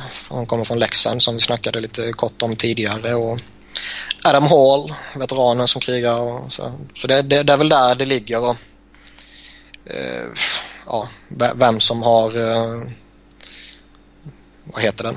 favoritskapet hittills. Det är väl det, det kommer nog avgöras i de sista träningsmatcherna här nu. Adam Hall är ju, hans hemstad är ju för övrigt Kalamazoo. Stort. Jävligt stort. Ja, det är, det är lite coolt faktiskt. Ja, eh, backbesättningen då. Eh, Pronger får vi aldrig mer se på is. Det vet vi ju redan. Mm. Så är det. Ändå så, ändå så står han med där på laguppställningen. Ja, han har ju kontrakt i fyra år till. Och ja. inte officiellt retired. För då räknas lönen mot lönetaket. Så att... Exakt. Tack för den förklaringen Robin. Kimmo Timonen. Mm. 38 år ung eller 38 år gammal? 38 år ung. Han är helt fantastisk. Det finns en spelare i Philadelphia som jag kommer försvara in i döden och det är Kimmo Timonen. Jag älskar den jävla finländaren alltså. Han Varför? Är... För att dels är han ju skicklig på allting han gör och dels har han ju en smärttröskel som fan det finns inte någon i hela ligan som kan ens närma sig hans... oh. Fan, han är överskattad numera, Bergeron. Mm. Nej, men Timonen är jag jävligt förtjust i och visst, han har tappat lite, lite speed och, men vad fan, som sagt, han är 38 bast och man, man, vet att han, han kommer uh, göra det väldigt bra i powerplay. Han kommer vara lagets viktigaste back. Uh, han kommer vara lagets bästa back också. Så jag menar det. Sen var det ju för ja. några, månader sedan så var, verkade det i princip bestämt att det här blir hans sista säsong men nu finns, har han ju öppnat en liten lucka för att nej, men jag kanske spelar vidare. Ja, men det får man väl se efter den här säsongen. Jo, det beror väl också lite på så, alltså... Lidström hade ju inga som helst planer på att sluta liksom förrän han blev skadad sista månaden det var. Han kände att kroppen inte ja, nej, nej, läkte igen som den skulle gjort. Hur mycket som helst som kan påverka, givetvis. Uh, Mark Strite har ju kommit in från uh, Islanders. Mm. Och uh, han, han kommer väl användas i powerplay ganska flitigt. Det kommer han definitivt göra. Och jag tror han kommer bli en tillgång. antingen kommer ju Streit och Timonen stå på blålinjen i första uppställningen eller så kommer de ju leda varsin uppställning där Timonen i så fall tar första uppställningen. Och eh, bara där så kommer det bli en, en jätteförbättring för Philadelphia. har ju haft, de har i och för sig haft ligans bästa powerplay, eller ett av ligans ska man säga, bästa powerplay de senaste åren. Men de har egentligen bara haft en första uppställning som har varit att räkna med. Andra uppställningen har varit total kaos. Och det har till viss del förklarats med att det har varit så många skador och sådär. Man har fått snurra spelare på spelare på spelare. Men man har inte haft någon som kan leda den uppställningen heller. De har fått in både Mark Strait och Vincent LeCavalier som mycket väl kan leda en andra uppställning. Och... Kommer man ha med en andra uppställning då? Eller kommer man boosta första uppställningen? Ja, men frågan är om du har, nu tror jag de kom på tredje plats i powerplay-statistiken i fjol. Och liksom vill, vill man ändra någonting i den uppställningen då, där du har Hartnell och Simmons framför kassan och du har Juro, Voracek och, och Timonen, så man vet att okej, de kommer leverera för oss. Ska vi gå in och mixa med den kemin som de har? Och, ja. Visst, det kan bli lite bättre men det kan också liksom, nej det kanske inte funkar. Eller ska man satsa på att ja, men vi kör på den, vi ger dem matcher i början, funkar det inte då börjar vi mixa. Men funkar det behåller vi dem och så har vi förhoppningsvis en, en väldigt kompetent andra uppställning. Ja, Philly uh, har ändå tillräckligt bra, alltså tillräckligt många bra spelare för att få ihop Eh, tio powerplay-spelare helt enkelt, tycker jag. Eh, så, så är det. Så de... powerplay är, ju, är det ju minsta av problemen. Liksom. Det, det kommer ju lösa sig. Var ligger problemen då? Men det är klart, eh, målvaktsbesättningen är ju som vanligt när vi pratar Philadelphia ett frågetecken. Mm. Eh, nu tror jag ju personligen inte att eh, det kommer bli sämre målvaktsspel än det som Bryskalov visade upp. Utan det, det kommer nog vara ett, eh, ett liknande prestationsmässigt spel. Bara det att det kommer bli till eh, ja, en bråkdel av kostnaden. Eh, Men det kommer det vara en liksom 50-50 grej här mellan de två eller? Man kommer, nog Emery och Mason. man kommer nog gå in i säsongen med den uh, inställningen. Sen tycker jag ju att ju närmare slutspel man kommer så ska man uh, fasa in den som har varit bäst till Är du så säker på slutspel alltså? Ja men om det nu blir det. Ja. Um, sen, tror jag, sen tror jag väl att um, det blir nog tufft att blanda sig i en topp 3-placering i, i, divisionen. Det tror jag. För det känns ändå som det är så pass många lag som... Alltså jag, jag räknar väl Rangers och Pittsburgh som två av topp tre. Uh, men sen kan ju egentligen alla de andra lagen ta den sista tredje platsen då. Um, ja, det är en så det, det är jättetajt, jätteovisst. Men, men jag... Vi får tippa hela grejen sen när vi, när vi har gått igenom lagen. Ja, I alla fall topp tre och sen eventuella wildcard. Ja. Så jag, jag, tycker ju att Philadelphia i alla fall ska vara topp fem i divisionen. Och mm. i alla fall ha chansen på ett wildcard. Mm. Ja, men man måste ändå respektera att det är den tuffaste division i, i NHL också. Så är det. Sen tycker jag de har ett bättre lag än vad de hade i fjol och i fjol var de precis utanför slutspel. Uh, trots all jävla kaos som var.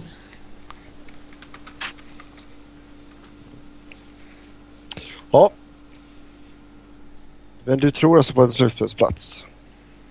Ja, säg så här. Jag tror på en topp 5-plats så att man har förutsättningar för ett wildcard. Sen beror det på poängfördelning kontra eh, Atlantic Division. Ja. Eh, när tror du nästa runda av Cuts är då? Man eh, träningsspelar mot eh, New Jersey Devils i, idag. Jag tror man kommer vänta rätt länge. Ehm, jag tror det kommer komma rätt sent innan premiären utan det, det finns fortfarande några beslut som ska tas. Alltså vem, vem ska, vem ska ta den sista forwardsplatsen och beroende på vem som tar den så vem ska då sitta på läktaren? Eh, vill man ha Scott Lafton på läktaren till exempel om inte han tar en ordinarie plats? Det kan jag tycka är lite dumt kanske. Man har ganska många backar just nu. Ja, man måste ta beslut om Harry Gill. Ska, man släppa honom eller ska man skriva NHL-kontrakt? Ska man skriva AHL-kontrakt? Vad ska man göra? Um, och det, det, har ju säkerligen någonting att göra också med uh, vad man vill göra med André Metsaros. Men förutom Gill då så har man ju redan, alltså, jag tror man har 11 backar uppe just nu. Mm, Nej, du räknar med Pronger och sådär ja. Nej, man, man har klättrat så det är inte riktigt så många. Men um, okay. det finns ju en sån som Bruno Gervais, Erik Gustafsson, uh, Oliver Lauridsen till exempel. Uh, där uh, en sån som Lauridsen, han ska ju inte sitta på läktaren utan han ska ju ner i AHL och spela i så fall. Uh, Gervais kan ju lika gärna sitta på läktaren och ruttna för han var så kass förra säsongen. Fan vad dålig han var. Greg mm. Sannon dålig typ. Han och Greg Sannon var sämsta backen. Ja, imponerande. Mm. Ja, då tar vi oss vidare till Pittsburgh. Och eh, alltså, hur mår Mark Andre Fleury? Ja, det är fan ingen som vet. Ja, det är inte mycket flower power kvar där inte. Nej. Men... Uh, ja, alltså det, jag tycker väl att det finns ju mer frågetecken än Flurry. Ändå tror jag att Pittsburgh kommer gå till slutspel. Alltså just på grund av Malken och Crosbys uh, awesomeness liksom. Uh, uh, jag tror att Rob Scuderi kommer... Uh, jag gillade inte det där kontraktet de skrev med honom. Eh, Chris Letang måste vara frisk. Eh, han är förstås grym när han väl Ja när han väl spelar, men han måste vara frisk oftare. Och annars är den där backbesättningen inte så jäkla bra. Och ja, Flurry... alltså Crosby och Malkin kommer bära två kedjor som kommer hålla All-star-nivå helt enkelt. Det, det, är inget problem för dem. Eh. Sen vet man att går en av de två sönder så kommer ju laget ändå fungera. Ja, det har det gjort förut. Så ja, att, jo, det är det jag menar. Den andra blir bara bättre då. Ja, av typ. någon anledning. Det, Malkin har ju aldrig varit så bra som när Crosby är skadad. Mm. Ja, men när det kommer till Florida så...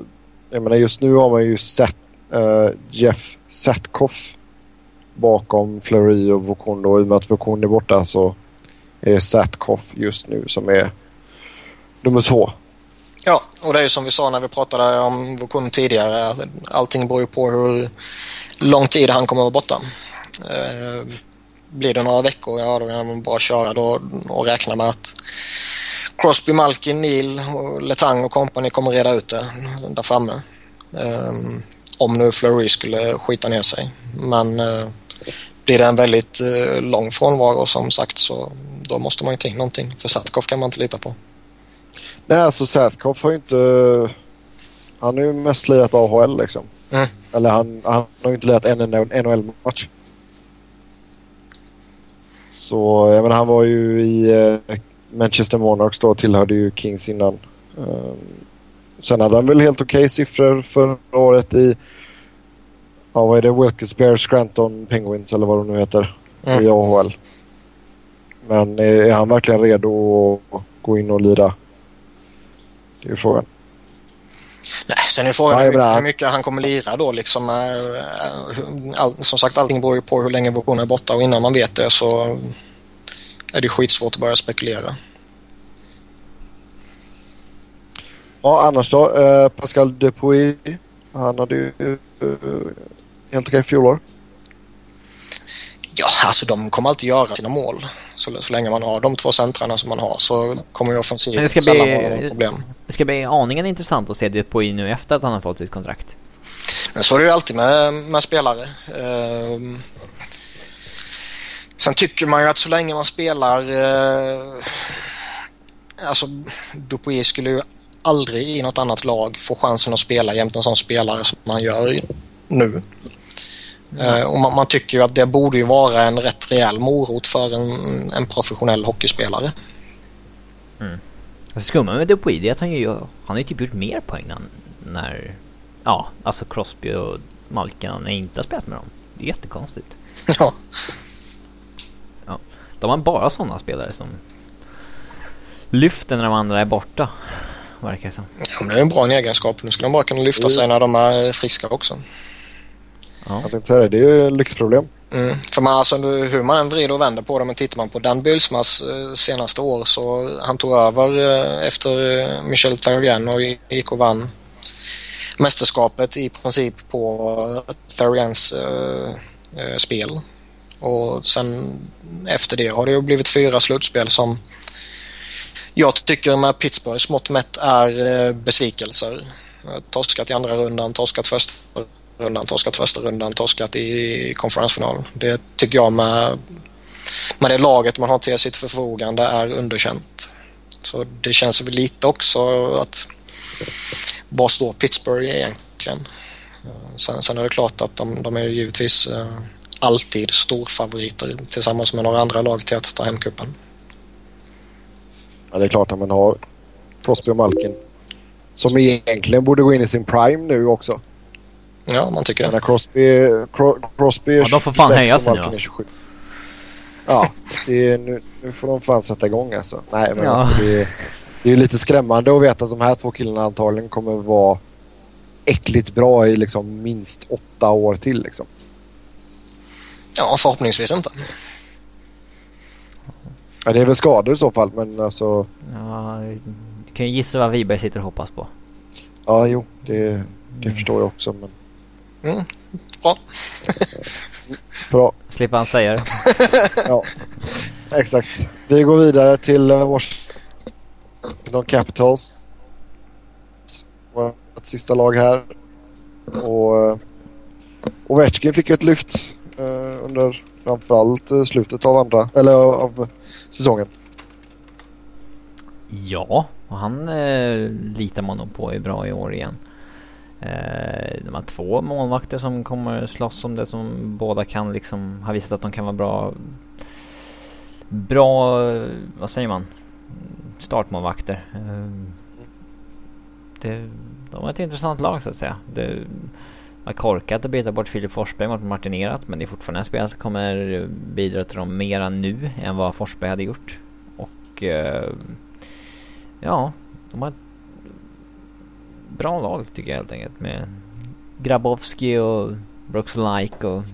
Alltså det, det man kan säga det är väl som att de har ett lag som sannolikt kommer passa Adam Oates väldigt bra. Eh, de har ett lag som eh, däremot enligt mitt tycke saknar de här karaktärsspelarna bland sina bästa spelare. Eh, Uh, du vill ha Callahan eller någonting? Ja, men något sånt. Alltså de har Brooks Leach. Visst, han är duktig när han väl är frisk men han har haft jättestora skadeproblem nu mot slutet. Jo. Han är väl lite för ensam bland de här toppspelarna. Uh, jag, jag har ju sagt det innan men jag gillar ju inte när man har samma spelartyper genomgående i princip i, i topp 6 så att säga. Mm. Det är väl det som gör att jag inte ser eh, Capitals som eh, en, en riktig contender. Um, sen har de ett gediget lag och jag tror väl inte de kommer ha några problem att göra mål. Sen är ju frågan då eh, den här säsongen är ju verkligen, verkligen upp till bevis för det här lagbygget. Ehm, tidigare år har det pratat så jättemycket om hur många gratispoäng både laget har fått men också spelare, typ Ovechkin, Bäckström eh, mot de andra lagen i South East Division. Och att man liksom på ett sätt har kunnat cruisa in till slutspel och när man väl kommit dit så har man märkt att ja, fan, har inte varit tillräckligt bra typ. Eh, så där ska det bli väldigt, väldigt spännande att se eh, vad Capitals kan hitta på denna säsongen. För det känns lite som att på något sätt kan jag tycka att detta bör väl egentligen vara McPhees eh, sista säsong om det, går, om det inte går jättebra så att säga. Han har nog haft sin era att leka nu tycker jag. Ja, och visst man, man kan väl säga att uh, så länge man tar sig till slutspel så är det alltid bra och de vad har de, en 6-7 raka slutspel nu tror jag. Um, ja, men har man Ovechkin där så ska man nog ha någon kupp. Uh, någon Stanley Cup-buckla. Framförallt ska man väl uh, ha en bättre ett bättre facit än att aldrig ha tagit sig förbi andra rundan. Sen kan man, sen är det vinna kuppen är skitsvårt så det, det är jättemånga duktiga spelare som inte har lyckats med det men man bör väl i alla fall vara i en konferensfinal eller kanske till och med vara uppe i en final om man, om man, eh, om man har de spelarna på pappret som de har. Eh, kan jag tycka. Och har man nu inte blivit det på så här många år så ja, som sagt jag, jag är inte helt nöjd med det laget han har satt ihop men jag har Smetta. Jo, det vet det jag. Och det, det var, var visserligen i... låter jag min tystnad tala. jag, ja, det var visserligen lite krystat att få fram en etta där, men uh, vad fan. Det... Jag, jag, tror, jag, jag ska inte säga att jag, jag tror det kommer gå skitdåligt för dem att de bara har cruisat genom South Division. Men jag tror att de har tjänat jävligt mycket på att legat i en svag division tidigare. Ja, det har. Och det är bara att titta på Sen visst, man kan ju vinkla statistik hur fan man vill och få det att säga vad fan som helst men den visar ändå på att de har haft det lätt. Um, och jag tror de kommer få betydligt svårare denna säsongen. Sen är det som vi sa tidigare, det finns så många lag och det räcker med en liten formtopp på Veskin för att hela laget ska lyfta sig och då beroende på hur lång tid den formtoppen håller i sig så kan det mycket väl leda till en topp 3-placering divisionen är som sagt så, så tajt så det, det känns som att Washington kan väl bli allt från först till näst sist typ. Yes. Hopp då var vi klara med vår preview där. Eh, vill ni eh, tippa divisionen eller ska vi spara det? Ja, alltså jag kan väl säga vem. Jag tror att Washington, Rangers och Pittsburgh tar topp tre. Eh, det håller jag med om. Sen tror jag nog att Philly blir fyra och Columbus femma. Ja, sen kan man väl fan säga Carolina sexa ja. och ja, Devils sjua, Islanders åtta. Typ. Det låter ganska vettigt. Vi kör på det. Ja, mm. ja då ska vi prata om eh, megabråket mellan eh, Toronto och Buffalo i eh, träningsmatchen som var här häromdagen. Och eh, Robin, du är alltid bra på att måla upp ordbilder så du kan väl berätta hur, hur det här började? Ja, det har en teckning i neutral zone och eh, eh, Buffalo skickar in John Scott från Phil Kessel. Eh, och när puck, ja han släpper handsken helt enkelt och går efter Kessel. Eh, Kessel får väl typ panik och slashar till honom med klubban. Eh, och backar och åker därifrån. Eh, och då kommer det massa Toronto-spelare och hoppar över John Scott och det bildas en jävla hög där och ja, under den tiden så uh, slashar Kessel John Scott med klubban igen. Eh, innan han eh, då blir påhoppad av en Buffalo-spelare som eh, Ja det var väl ingen särskild, det var väl någon som aldrig hade gått någon fight förut eller någonting så det var väl ingen... Det var, det var ju lite grinigt innan det här också. Uh, ja, jag minns inte exakt vilka spelare det var men de som hade velat bråka och lite sånt här och sen hade det inte blivit något av det och så var det irriterande som fan. Och då satt ju Buffalo Wing Scott på, på isen och nu har ju han, eh, Sabres coach, Ron Rolston, blivit bötfälld på grund av hans eh, val av spelare och hur hans lag uppträdde sig. Ja, vilket, vilket i princip innebär att han har blivit bötfälld för att han satt ut John Scott på isen efter en, eh, vad ska man säga, irriterad situation uppstod tidigare. Ja. Vilket, det är, det är exakt det är det han är till för och det finns väl vad jag vet inte eh, någon situation där det har hänt tidigare. Inte vad jag kan komma på så här på rak arm i alla fall. Um, vi kan säga det att Phil Kessel har ju fått sitt uh, besked nu precis här att uh, han blir avstängd i tre försäsongsmatcher bara och inga under riktiga säsongen då så att säga. Vilket jag tycker är jävligt märkligt för det är som jag har sagt jättemånga program tidigare. Jag är allt för det här smutsiga. Jag gillar att man ger sig på motståndarnas stjärnor och man ska jävlas med dem och allt det här. Och jag kan tolerera hur mycket som helst. Men jag accepterar fan ta mig inte att man använder klubban som vapen. Det är det fegaste man kan göra. Och jag föraktar alla som gör det. Det är rakt igenom fegt och det är farligt. Och de, de, ja, alltså, det är ju inte så att han står och liksom bara klappar lite på... Uh, ja, han golfsvingar ju ett par gånger liksom. Ju, alltså det är ju riktiga det... svingar han gör. Det är ju skitfarligt. Du vet, mm. fan, jag ja, ta en klubba och, och, och svinga Framförallt den andra svängen. vem som helst så... Den första är ju typ över byxorna så att säga, men den andra över vaden är typ skott redan är nerbrottad. Den är ju den... Ja, det är skitsmutsigt. Jag fattar inte hur fan det bara kan bli tre stycken uh, försäsongsmatcher. Det har ju noll effekt. Ja, det är bara skönt för han att slippa spela försäsong. Nej, men typ. Uh, och som sagt, Sen hoppar ju Clark, Clarkson hoppar ju av från, eller hoppar ju in från, uh, från bänken. Så blir det tio matcher ja. på honom där. Ja, och det är bara så ja. jävla korkat. Uh, givetvis ska man stå upp för sina eller sitt lags bästa spelare och målkung och allt sånt här va.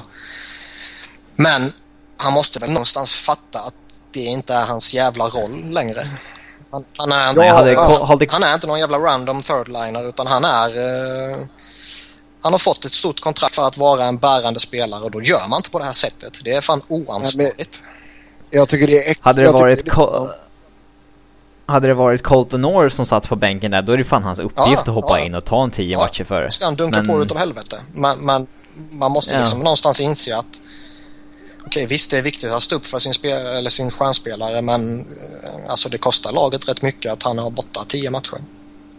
Jo men det är ju extra klantigt också med tanke på att Bissonett blev avstängd tio matcher bara ett par dagar innan att han lämnade bänken. Mm. Och sen som sagt, jag, givetvis jag köper och accepterar att man vill upp för sin spelare och allt sånt här men Sitter du på bänken, ja då får du väl hämnas i nästa byte. Då får du väl göra en Milan Lucic på Ryan Miller eller vad fan som helst liksom. Uh, det går efter nej, det. det är det jag menar. Byte. Alltså ge sig på John Scott. För det första är han så jävla stor så det har ju ingen, ingen verkan att hoppa på och börja fightas mot honom. Men hämnas på stjärnan. Alltså går de på din stjärna då ska du fan gå på deras stjärna. Uh, så enkelt är det. Sen visst, man kan föra argument då för att det kommer bli den här onda cirkeln där alla kommer hämnas på alla och så bara fortsätter det och, och så här. Va? ja, och det bara vandrar vidare till alla ögon är utpetade. Men eh, mm. är det någon som ger sig på eh, min stjärna då är det helt meningslöst att gå på den goonen som gjorde det utan då bara ska du hämnas på motståndarnas stjärna. Var inte fighten mellan Sebbe... Sebbe, nu låter det jättekonstigt igen. Vad gör du när det blir sådär? Har han somnat typ? Jag gör ingenting, men jag kom in och kom, kom ut. Nej, jag tänkte säga, det är upp till domarna också att liksom spela matchen. För det var ju grinigt innan som sagt.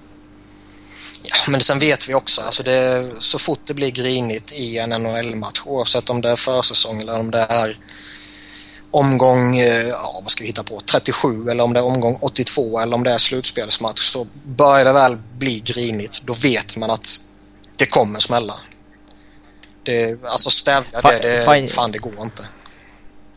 Fighten mellan Bernier och Miller var väl lite tunt idag? Det var ju asball, vad snackar du om? Bernier, det, det, är alltid lite äh, fränt, det är alltid lite fränt när målvakter fightas, det måste man ändå säga. Oh. Även om ja, men det är lite tråkigt när det är... Det var inte Ja, men det är lite tråkigt när det är den här... Jag kan tycka att det är coolt när det liksom sker i...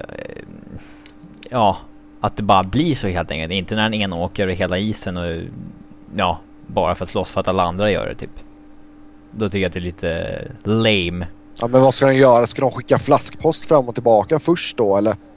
De behöver inte göra eller någonting tweeta till varandra. Alla andra hade slutat slåss. De tweetar till varandra. Fan ful du är. Du är ful. Ska vi slåss eller? Ja visst. Ja, men möts, varför varför måste målvakterna ha någon form av beef för att utespelarna har det? Jag tycker, jag tycker det var helt rätt. Jag tycker Bernier totaldominerar ju Miller. Det var ju skitkul att se. Det, det, det, finns ju, alltså det blev ett rätt mycket debatt om den här liksom the code, the fighting code. Jag, jag gillar inte stage fighting överhuvudtaget. Nej, det, det får väl stå för alla som, som man vill. Jag, jag kan till viss del hålla med dig, till viss del inte alls hålla med dig. Men det har blivit mycket snack om det här the code eh, angående fighter och, och så här. Och någonstans i den här koden så finns det också att målvakt ska slåss mot målvakt. Eh, och, ja, och liksom blir men, det då eh, att det är total kaos överallt då finns det nog också lite sån här väldigt inofficiell kod som säger att ah, fan då ska målvakten också slåss. Sen, sen vet ja, man ju alltså, att... När, ingen av dem var inblandade från början så Sen vet man att målvaktsfighter nu när Ron Hextall har slutat. det är i princip bara ett spel för publiken. Mm. Ron Hextall gjorde det på riktigt för att han var psycho. Nu, nu, är det, visst det sker ju här och där fortfarande men nu, nu är det ju bara en häftig grej liksom. Mm. Ja. Men så, alltså det, det, den stora grejen är ju jag fattar inte hur Kessel bara kan få tre försäsongsmatcher. För det han gör det är så smutsigt. Det är så jävla smutsigt. Och det är... Ja, det beror väl på hur högt man håller liksom Alltså våld med klubban, hur illa man tycker det är. Ja, men alltså det, det är lite... Visst nu, om man jämför med Zack Cassian. När han går in och, och, och flänger upp klubban på det sättet som han gör så... Visst, jag, ja, jag, jag, jag, tror inte bara det är olyckshändelse utan jag tror det är en viss medveten grej. Sen tror jag Ja men det är ja, mer olyckshändelse. Och det är framförallt ja. en sving och sen, inte flera. Sen tror jag inte att han medvetet flänger upp klubban i ansiktet på honom utan han kanske mer vill liksom markera över magen eller något sånt där va. Men och sen nu är jag osäker på om Sarkassian har någon jättehistoria och sånt här också. Det har ju inte Kessel. Ja. Nej, han hade ingen... Uh, sub... Han hade Nej, ingen och liksom att han någon... får fem matcher. Eller liksom preseason plus fem matcher och Kessel får tre matcher för, för träningsmatcher för det här. Det, som sagt, jag, jag använder klubban som vapen. Det är det fegaste man kan göra. Och sen givetvis så blir det utmanare av John Scott. Då skulle väl, blir det inte Sky då så det är ju dum i huvudet. Men liksom då, då, handlar, då handlar... bara äckligt bra på att fightas. Jo, men eh, jag menar nu pratar vi ju inte om en fighter. Blir, blir, nej, nej, nej. blir, blir George Parros utmanad av John Scott då är det klart han slänger handskarna.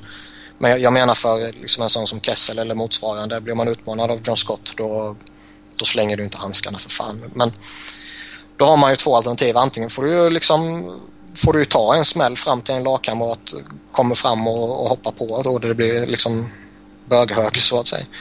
Eller så får man gå in i en eh, ja, kramkalas liksom och förhindra att det blir eh, rallarslagsmål.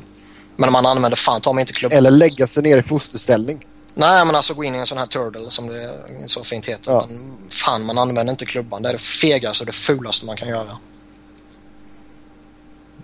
Alltså man kan ju... Man kan turtla om man inte vill. Visst, det känns ju lite liksom larvigt och sådär men vad fan.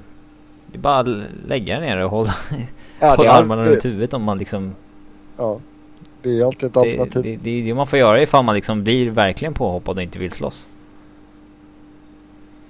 Det är ju lite spännande också för Kessel uh, svingade ju som fan med sin klubba i en, en av de första träningsmatcherna mot, mot Flyers också där han uh, jag tror det var Ben Holmström som uh, har varit lite för närgången mot honom. Men då tog han ju också sin klubba och liksom golfsvingade mot hans uh, underben eller fot eller vad det nu var. Så blev han inte straffad för det och då är frågan, ska det väga in i den här bedömningen eller är det bara tidigare bestraffningar som ska vägas in? Det, men det, det, kan man ju säga om alla situationer som uppstår. Mm. Överlag så tycker jag det var roligt att se på. Sen är ju som sagt vissa beslut lite konstiga. Mm. Ja, har vi något annat att tillägga? Nej. Nej. Nej, jag tar, jag tar det som ett nej. Då rundar vi av det för den här gången. Som vanligt så vill ni chatta hockey med oss så kan ni göra det på Twitter. Mig hittar ni på 7oren. Niklas på att Niklas Wiberg, Niklas C och enkel V. Och Robin hittar ni på R underscore Fredriksson. Tills nästa vecka, ha det gött, hej! Hej!